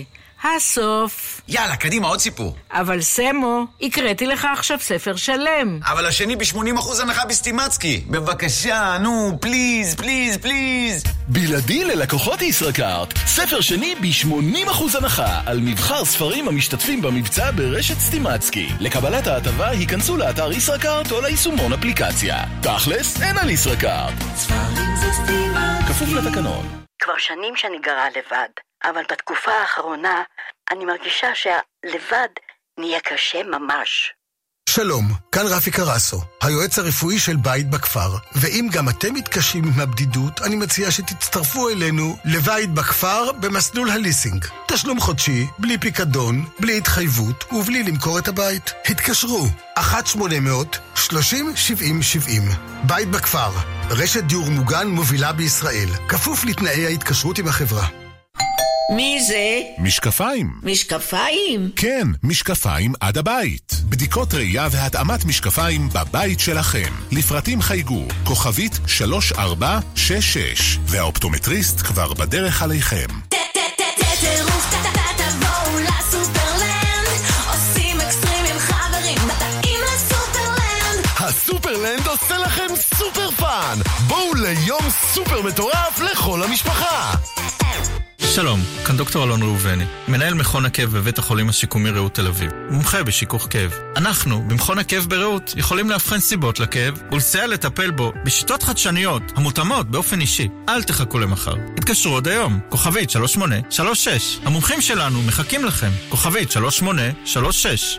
והם חיו באושר ואושר עד עצם היום הזה.